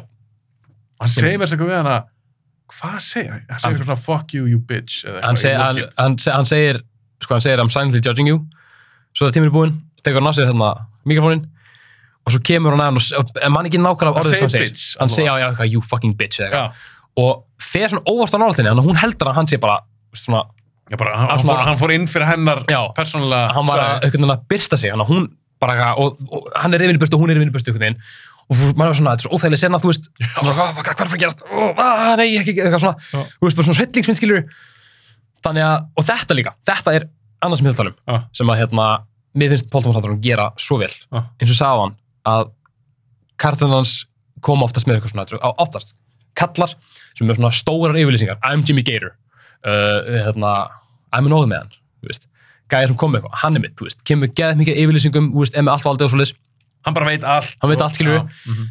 kallmennska Paul Thomas Anderson kemur með einhver skemmtilegustu take á kallmennsku sem ég séð bara ever, nú er mjög mikið búið að tala um síðustu ár er búið að tala um svona um eitraða kallmennsku hvernig getur, hvað er eitraða kallmennska hvað er þetta að gera við henni, skiluru Mhm. þannig er Paul Thomas Anderson árið árið 99 að bara, þú veist, lýsa eitraða kallmennsku, hvað hún kemur hvað hún er, Mhm. af hverju er hún?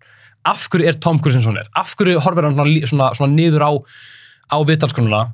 Og bara konur yfir ja, höfuð. á, á konur um höfuð, skilur við Mhm. þú veist, maður sér að þegar hann er að tala á hana fyrst þú veist, hann segir, þú veist, hérna eftir hérna he- helmingin af fyrirlutunum hann segir, it's not safe for you here veist, hún er með veist, hugað um hana hann, hann, horfir ekkert á hana sem eitthvað bara svona piece of meat.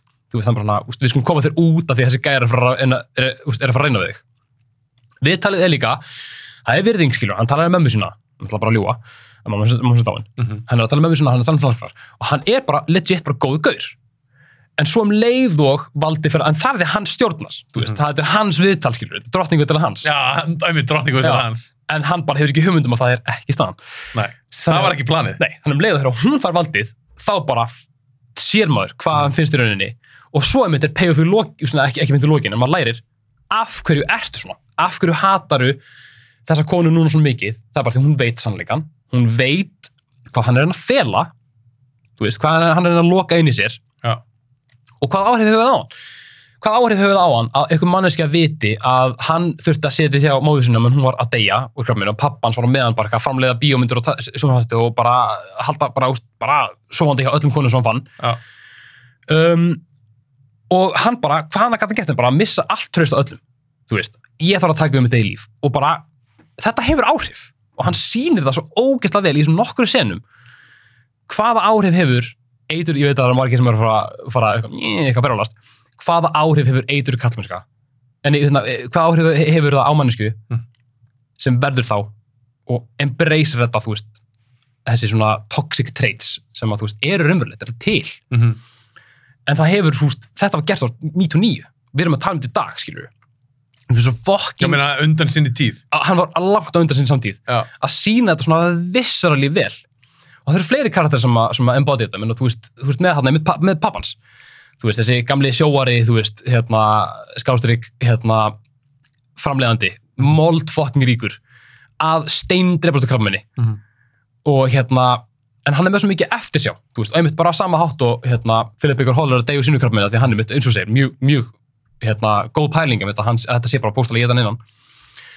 Uh, Jason Robards karakterinn hefur líklegast verið drullar saman allt saman þangað til nákvæmlega hana. Þannig er hann svona að segja, þú veist, bara eitthvað, vá, ég fokkaði upp konur minni. Ertu Ég, þannig þegar hann er að tala við Krús? Eða neðsast í Krúsætturinu? uh, nei, nei, Nei. nei, ég segi að pappans þegar hann er að tala um Parma. Já, já, já, já. Hann segir ekkert Krús. Nei, Nei. er? Já, hann, hann alltaf er hann, hann rétt horfur á hann á, á hann Já, deyr. já, einmitt. Sem að getur ímyndun, getur ekki, við erum ekki viss. Já, einmitt. Uh, en þess að í senunni það sem hann er að tala við Parma og hann er að lýsa því, þú veist, einmitt, ég er svona af því að ég fokkaði upp eiginkonum minni.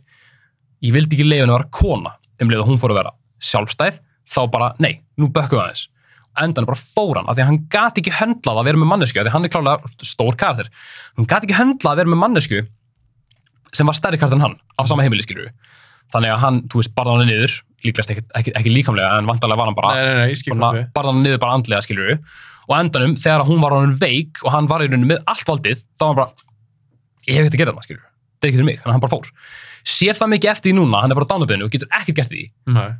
Ekki neitt nefnum bara að bara grátum það skilur og tala við, tala við hérna Filippinu Hoffmann, fucking góð sena.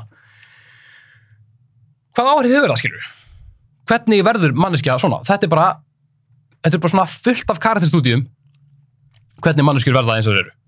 Við fáum að sjá ástæðina, við fáum að sjá ástæðina með Muller og Walters, Mhm. fáum svona basically að sjá ástæðina með John C. Reilly, hann er bara, þú veist, hann er bara svona undiröka maður, hann er bara, búin að lend, hérna, skilin uh, við fáum svona semið saman með Phil Parma, þetta er bara gæði sem bara vill, vill bara leiða gott af sér, Mhm. saman með Julianne Moore, menn hún er bara þjökuð af eftirsjá og bara bara langað til þess að gera eitthvað en hún bara getur það ekki, þannig að hvaðan getur hún gert en að bara afnæta arfinum og bara, já, En það er líka, eftir nú er ég að bara hlusta að tala mynd um aðalega krúskarakterinn og Mm. mm. sambandið hans við pappa, pappa sinn.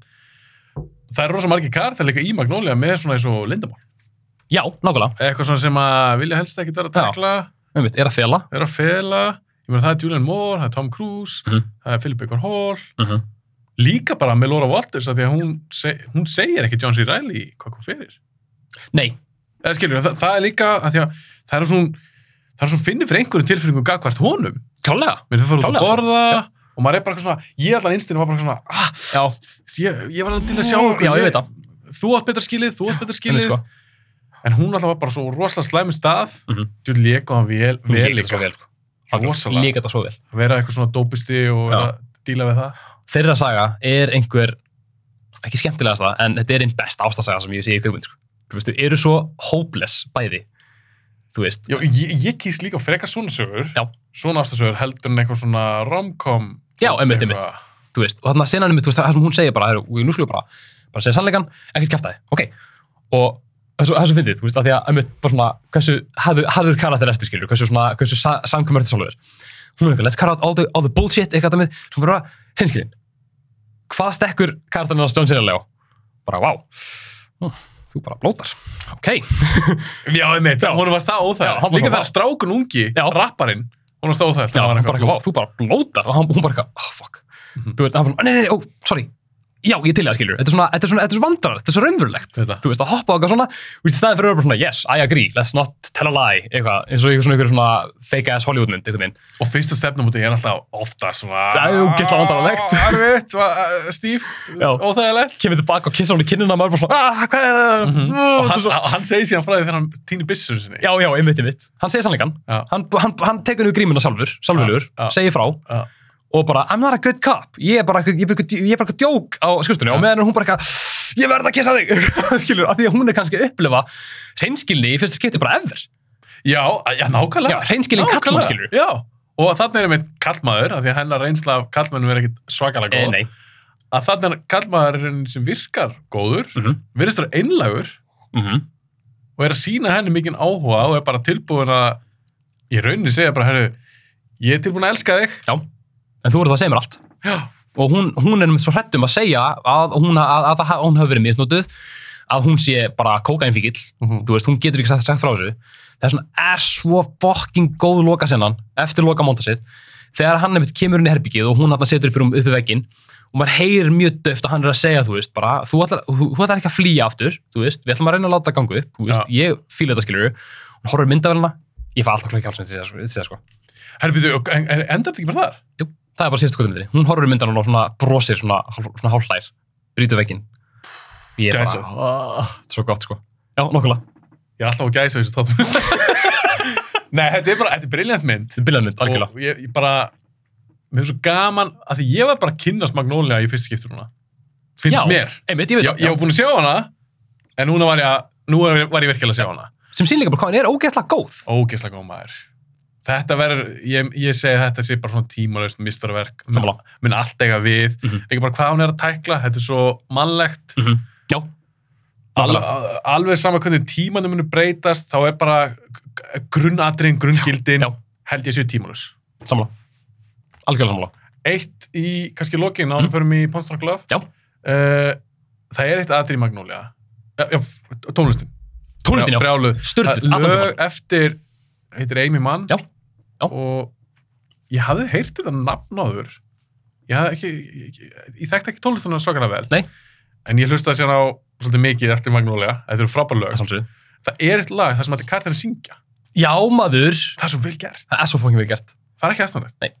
Alls ekki. Það er ógeðslega flott. Allir og öll, öll syngja. Meira þess að, meira þess að Jason Robards, Já. gæðin sem á að vera dauður, skilur. Hann syngur. Þetta er briljant aðri. Þetta er alveg bara, ah, þetta er svo fallegt. Þetta er svona, þetta er svona, þetta er basically miðpunkturinn, þú veist, áður en að allt gerist, áður en að deytið, áður en að deytið hefst, áður en að, hérna, Stanley þarf, nei, Stanley er náttúrulega búin að pissa á sig, þú veist, og þetta er bara svona, þetta er svona, hann er svona að ró okkur inn í Mm -hmm. restina, Mhm. þú veist, komið krakkar, til að halda á okkur hérna í gegnum þetta lag, og svo kemur geðvikinn. Já. Menn Boogie Nights, geðviki, geðviki, geðviki, geðviki, Mm -hmm. hérna er þetta, þú veist, geðviki, geðviki, slökum að sá, smá svona lag, En hér á briljant stað. ógist að briljansta. Bara, þetta gæti ekki að byrja stað, sko. Ég með þetta er tíja þessi mynd. Já, 100%. Þetta er bara, á, bara að mínum að þetta er hinn fullkomna kaumið, sko. Hún er ógeðslega góð. Það er ekkert sem er dettur í hug sem ég geti sett út á eða breytt eða eitthvað. Það eina svona eftir á, eftir á hyggja, þegar ég horfa á hana og þekki hana, úst, svona, eh, svona inn og út bara. Já, þú er náttúrulega búin að sjá hana 2008. Ég er búin að sjá hana mjög oft, sko. Að það er sen, úst, það, það vantar svolítið krúsjál sinnu. Ah, Það er alltaf að tala um hana The Worm, þú veist. Gæðin sem tekur byssuna af Philip Seymour Hoffman. Þú veist, þess að hann týnir byssunni, þá er gæði sem að pikkar hann Nei, upp. að meinur ekki Philip Seymour Hoffman. Nei, nei, C. nei, já, sorry, hérna, John C. Reilly. Já, betur það er. Býtti ég alveg, hvernig var þetta? Hann, hann finnur byssuna. Sko, það gerist ekkert. Nei, hvernig var það? það, sko, það gerist eitthvað, en það bara var klikt út. Það þetta Var það að- tekið upp? Það, það? ég, sko, ég held það. Já, Um, jú, jú, hafa tekið upp. Ah. Af því að þú veist, þegar hann að Marcia er handikinn og hann að laurugumennir er að spyrja, þetta er svona, úst, mjög svona óþægilega sinna, hérna, eitthvað, eitthvað, where's your son, Marcia? Eitthvað, is he the worm? Is he the, is he the one known as the worm? já, Það segja þetta fucking oft. Mhm.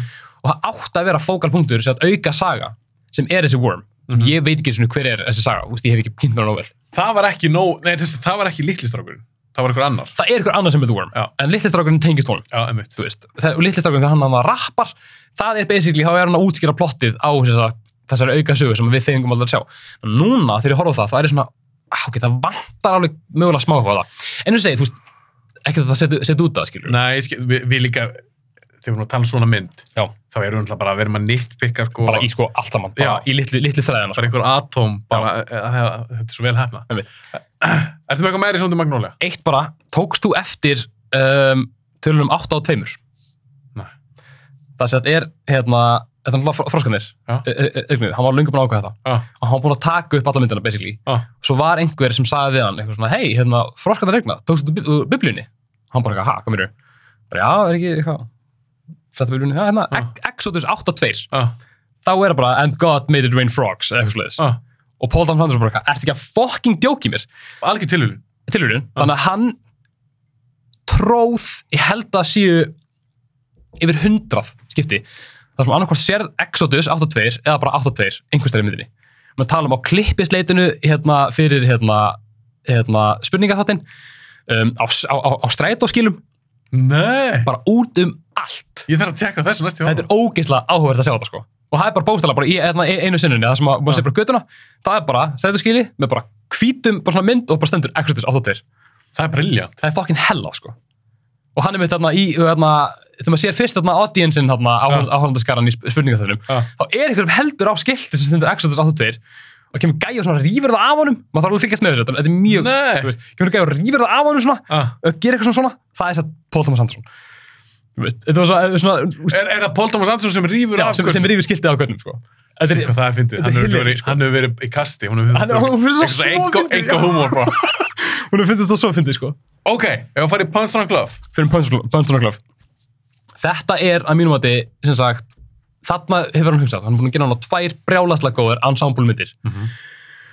og hann sagði það sjálfur hann bara svona, ok, ég get ekki halda áfram að gera þetta ef ég gerir aðra ensemble mynd þá er fólk að fara að bera það saman og það verður bara ekki gott þannig ég þarf að breyta mér þannig að hann sagði mér í djóki að held að fara að kann eða eitthvað þegar hann var að sína Magnólia Mm.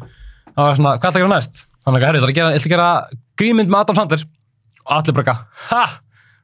Sagði hann það? Hann Var ekki það. búin að, var ekki búin að plana það? annarkvort var hann búin að, annarkvort var hann búin að plana það, sko eða, já, hann er líklega búin að við erum búin að er saman, sko. Fokkmyndið, og bara ætla að gera grínmynd með Sandler allir bara ok Úst, merkasti, e, e, mest besti uppröndi leikstjóri, úst, hann er 26 ára þegar búin að kemur út held ég, Það sem er galið. í sem er galið, sko og hann bara ekki á, bara besti uppröndi leikstjóri í okkar tíma er að að gera grínmynd með Billy Madison, já, Já, ég veit, ég það rætt er að gera Waterboy 2. Já, nákvæmlega, svo bara gera hann bara 90 mínútna grínmynd með Adam Sandler. Ja, grínmynd er hann mjög Já, stór ég ætlaði að spyrja, hvernig myndir þú flokka Punch Drunk Glove? mm. Þetta er rosalega sérstök með. Þetta er mjög sérstök mynd. Um, sko, þetta er, þetta er romans. Hún komst bara svolítið ofalega þegar, ekki? Hún er ekki fjórðast? Ég held að hún sé bara í fucking öðru seti, sko. Já, það öðru seti. En það eru nokkra ástæð fyrir því og Ok. ég held ég byrji bara á að tala um það. Ok, að- hvað er maður? Hún er, í öðru- er í setið mér. Mhm. Þegar ég sannfist, horfði hann með kjæftunni og ég er bara svona, þetta er mynd sem er bara svona, ég verð að horfa úst. Ég, bara, ég hef ekki séð þessa mynd með, hérna, með, með PTA og bara, úst, ég verð að sjá hana. Hún bara, ok, horfum hana. Og ég horfði á hana. Ég var bara, allan tíman, var ég bara, hérna, að því ég tengi svo mikið við hana á svo persónulegum nótum. Já. Karakterinn Satan Sandler er kvíðasjúklingur par excellence. Uh, hann veit aldrei hvernig hann er að vera í innum áttæðum. Mhm. Hann segir það upphátt mjög oft. Bara, ég með það inn að skrifa, bara, I don't know I don't know how they do things. Mhm. Þú veist, I don't know how other people are. I don't know hérna, I'm, I'm nervous about the proper etiquette in this situation. Mhm. Há hérna, held að sé hérna á bílaverkstæðinu. Sem gaur, Ah, sem er mikill kvíðasjúklingur ah, og í rauninni ég á svo erfitt stundum ah. með svona aðstæðar sem allir við, allir við, svona organic, þú veist, farum bíl sinni skoðun, veit allir hvernig það er. Þegar ég fann bílinn mínu skoðun fyrst, Já. ég var bara, hvað gerir maður? Á ég að leggja hérna? Á ég að leggja hérna? Á ég að fara inn fyrst? Ég var bara, hvað á ég, og bara svona, svo bara sá ég bara fólk, ég var fyrir utan einhvern klukkutma. Ég sá bara, að fylgjast með, ok, þessi gæði fyrir þetta, hann leggur hérna, fyrir inn, aftur í bílinn, ok, ég ætla ekki, en þessi gæði gerir það ekki. Ah. Ég var fucked up á þessu, sko. Og ég tengi svo mikið við þetta, svo margar aðra senur í þessu, Nú skilja okkur úr fílana sem við... ég bara ándjós, þessi sko, bara hún talaði um á leveli, hún bara svona, Það er svona gerð fyrir þig bara. þessi bara, hann ándjós sem það hefur gerð fyrir mig.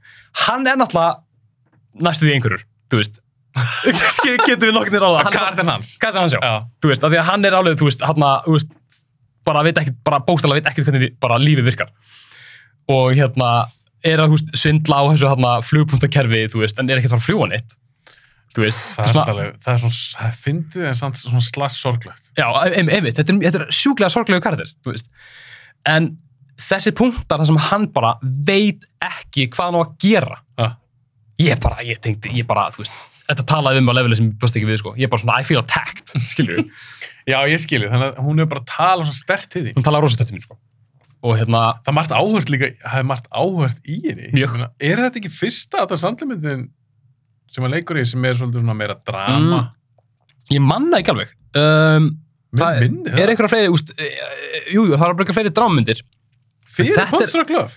Ekki, ekki, ekki margar, en ég held að þetta sé svona fyrsta myndin, það sem að hann er bara, úst, ein af tveim þremur, Mm -hmm. það sem hann er bara legit að leika, ekki að leika sig, heldur Já. bara, hann er bara leikari. Maður vinna með, þú veist, góðum leikstjóra, að leika flókin karakter, einhver sem hann fær bara því miður ekki gera nú oft. af því að eins og maður sér þessa mynd, hann er alveg, hann er alveg fær hann getur, hann getur alveg, alveg haldið upp í senu þú veist, með því að vera eitthvað sem hann er ekki hann er þú veist, með kaffibotlan sinn hókin í svona allt ótturum jakkafötum lítur svo algjör fáiði, Í þessum bláu jakka. já, bara, þú veist, ömur að ljóta jakkafötum, bara þú veist svo fer hann eitthvað út og hann er að horfa á píanóið, svo bara, þú veist ekki stressaður, stelu píanónu þú veist, bara En ég er að googla núna. Þetta, þetta er einu fyrsta. já, það er ekki bara, Jú, en Wedding Singer, ég meina það er grínmynd. það er grímynd Já. klálega, sko, Þó að sé svona smá okkar drama og rómans í henni. Mm. ekki svona sama, þú veist Nei. kaliberi, ef maður, Nei. ef maður á að koma svo orðið, sko Annars er þetta bara Happy Gilmore, Billy Madison, Waterboy, Big Daddy, Little Nicky, já, svo bara Panster Glove.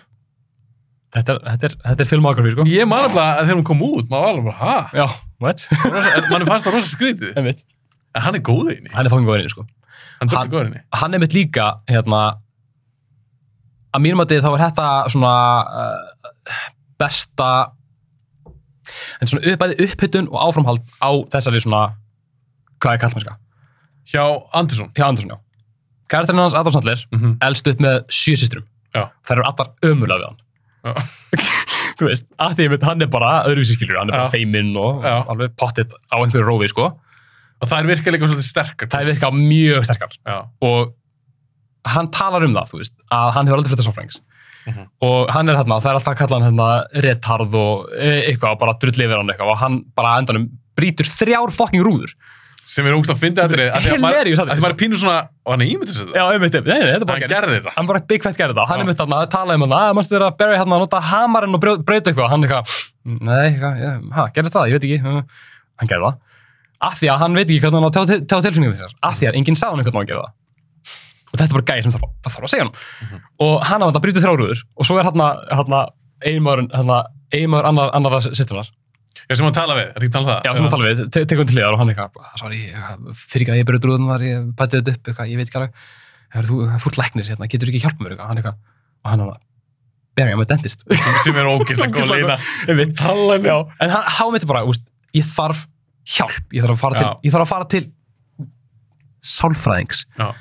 og, Og hann vil alls ekki að það er frétta hann vil ekki að hafa fréttið það því að hann vill ekki, hann vill ekki lítið út fyrir að vera meira veikbuð en hann er Mm -hmm. og hvað er það annað en bara sko æbandi tilvittnun í bara, þú veist, stöðu margara kallmána sem bara hafa í engin hús að venda með tilfinningandi sínar Mhm. þú veist, Það er algengt.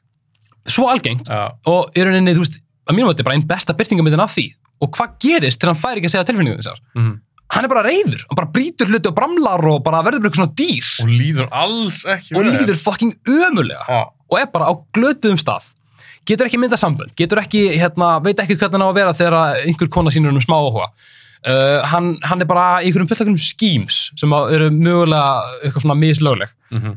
um, hann er með eitthvað fyrirtæki sem við veitum ekki hvað er að gera selja ykkur að fucking ykkur að hérna, drullasoka, ég veit það ekki Já, það var váranlegt. hvað er það eiginlega? Og bara, þú veist, hvað er hann að gera með lífið sitt? Ekki neitt, af því hann veit ekki hvað í fokkanum hann á að gera svo kemur mótvægið svo kemur, kemur þessi, þessi, þessi kona sem bara af einhverjum ástæðum er bara geggar hrifin honum Mhm. og þau fóru að date saman og hann fríkar út og eðilur bara og rústar heilu barbyggi Shit, maður var líka bara svona, oh my god, Já, þetta þú er eilar þetta. Já, bara hvað er það að gera og hann með svo hérna kemur gæri hérna, að stóðinu bæði, hann er eitthvað, nei þetta blæður hundunar þetta var ekki ég bara svona bara jó. bara svona, ertu alveg handviss Já. Þú ert ekki að plata neitt. Nei, ná, nákvæmlega, og svo bara hendur hann út. Þú veist, þetta er bara, að mínum að þið, er, þetta- er, er svona annað, ég veit ekki hvort hvort að þessi hætta flokkut undir um út, eitraða kallum, sko. Hann er ekkert eitraður, hann er bara, veit, hann er bara, hann er bara svona, hann bara, hann er bara hopeless. Veit ekki hvað hann á að gera í neinum aðstæðum og bara, Hann fittar bara ekki inn. hann fittir ekki inn. Hann ekki- fittar bara ekki neins það. Nei. Hún líður þannig. Já. En hann það alveg, veist, einmitt. hann bara, hann, veist, hann bara, hann bara þarf að sjá það. Hann þarf að sjá að það er manneskja sem er tilbúin til þess að hlusta á hann Já. það er mannskip sem er tilbúin til þess að veist, bara já, vera með honum og bara, veist, hann þarf ekki að vera einnig gegnum alltaf, alltaf bull, þú veist hann þarf ekki að vera í þessum ógætt að ljótu bláða eitthvað Og svo er líka bara sömur, ég meina, alveg sama, hvað sem kallaði kona með aldur eða neitt. Það er bara sömur sem að, sömur líður eins og, það sé bara ekki pláss fyrir þau. já, Og, en málið er að það er pláss fyrir alla. það er rétt Skiptir ekki máli hvernig lítur út eða hvernig persónu það ert. Mm. Ég er þá að meina að þessu góð mannskja, ekki ykkur morðingi eða eitthvað. hei, bí- disclaimer hérna Nei, hún er líðið þannig Já. og það finnst mér alltaf svo sorglegt að það er pláss fyrir alla Mhm. og maður er bara svona, mér langar svo að taka Barry, Já, kartanars, bara segja hann, veistu það, já, vertu bara þú. já. Bara eitt gott knús. Já, Líklegast fyrsta knús hans ever. já, en þú ert að byggja um hjálp og auðvitað á, á hann að fá hjálp. Já. Það er alltaf bara fáránlegt að skamma sín eitthvað fyrir það. Það sjálfsögðu. Að byggja um hjálp eða, eða, leita til sálfræðings eða eitthvað slúðis og það er mjög ótrúlega í dag ennþá 2022 Mm -hmm. þetta er 20 ára guðmynd Já. að það er ennþá margir svo rosa feimnið við þetta jú, líklegast freka kallmenn að- að að eitthvað svona viðkynna tilfinningar Mm -hmm. eða byggja um hjálp, Mhm. fara til sálfræðings tala opinskátt um vannlíðan eða Mhm. vandræði Um mitt. Sem mér finnst það vera galið Mhm. og mér finnst það sol, þetta það svolítið ríkt í Íslandingum, við erum svolítið bælt Við erum mjög bælt. Mjög bælt. sem þjóð sko. þetta er bara svo, við erum með held ég heimsmet eða eitthvað í- ef þú tökur höðatölu í sambandi við nótkun á Passar. en það tala enginn um það Nei, nei, nei, nei, nei, nei. það tala enginn um það Nei, nei, þú veist, þú bara, minna, þú ert í herbyggi með fimm manns, með fimm kallmennum, það er ekki allir á þunglitsliðum ándjóks, þrýr af hverjum fimm held ég bara, úst, eitthvað svoleiðis. þetta er rosa hátala Já, og þú veist ekkert, þú veist ekkert, bara eitthvað svona, hei, bæðu, ertu, hverju ekki að drekka bjór? Uh, mér langar ekki bjór. En hann getur ekki að þennan þunglindilíum. Nei. Þú veist, nákvæmlega, ég bara, ég þekki, ég þekki eina mannesku Já. sem er nógu, hérna, bara confident til þess að segja að svo manneski sé á þunglindilíum. Eina það mannesku. er ekkert aðeins Það er ekkert að þessu. þetta er svo, er svo er ekki ríkt neitt. í okkur Ég veit það.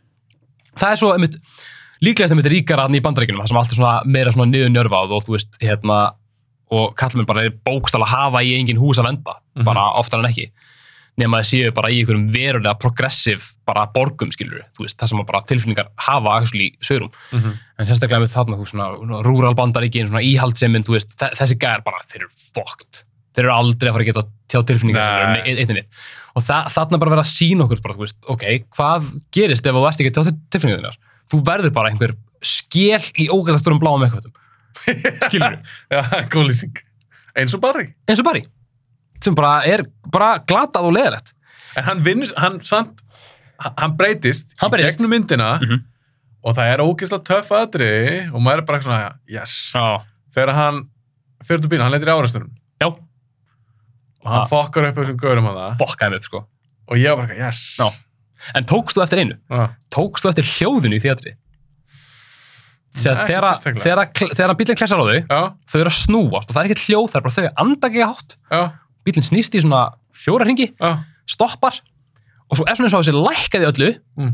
nema þegar hann fer út úr bílnum, skellir, tekur upp aðna hvað sem þetta er, kilfu eða eitthvað svoleiðis og þegar hann smellir í eitthvað þá heyrist mjög greinilegt bara svona, þetta er ekki hljóð sem heyrist þegar þeir eru þetta skelli, þeir eru þetta að hitta eitthvað skilur. já. Kemur eitthvað inn svona, næstu svona gánhljóð. hver er pælingi með það, veistu það?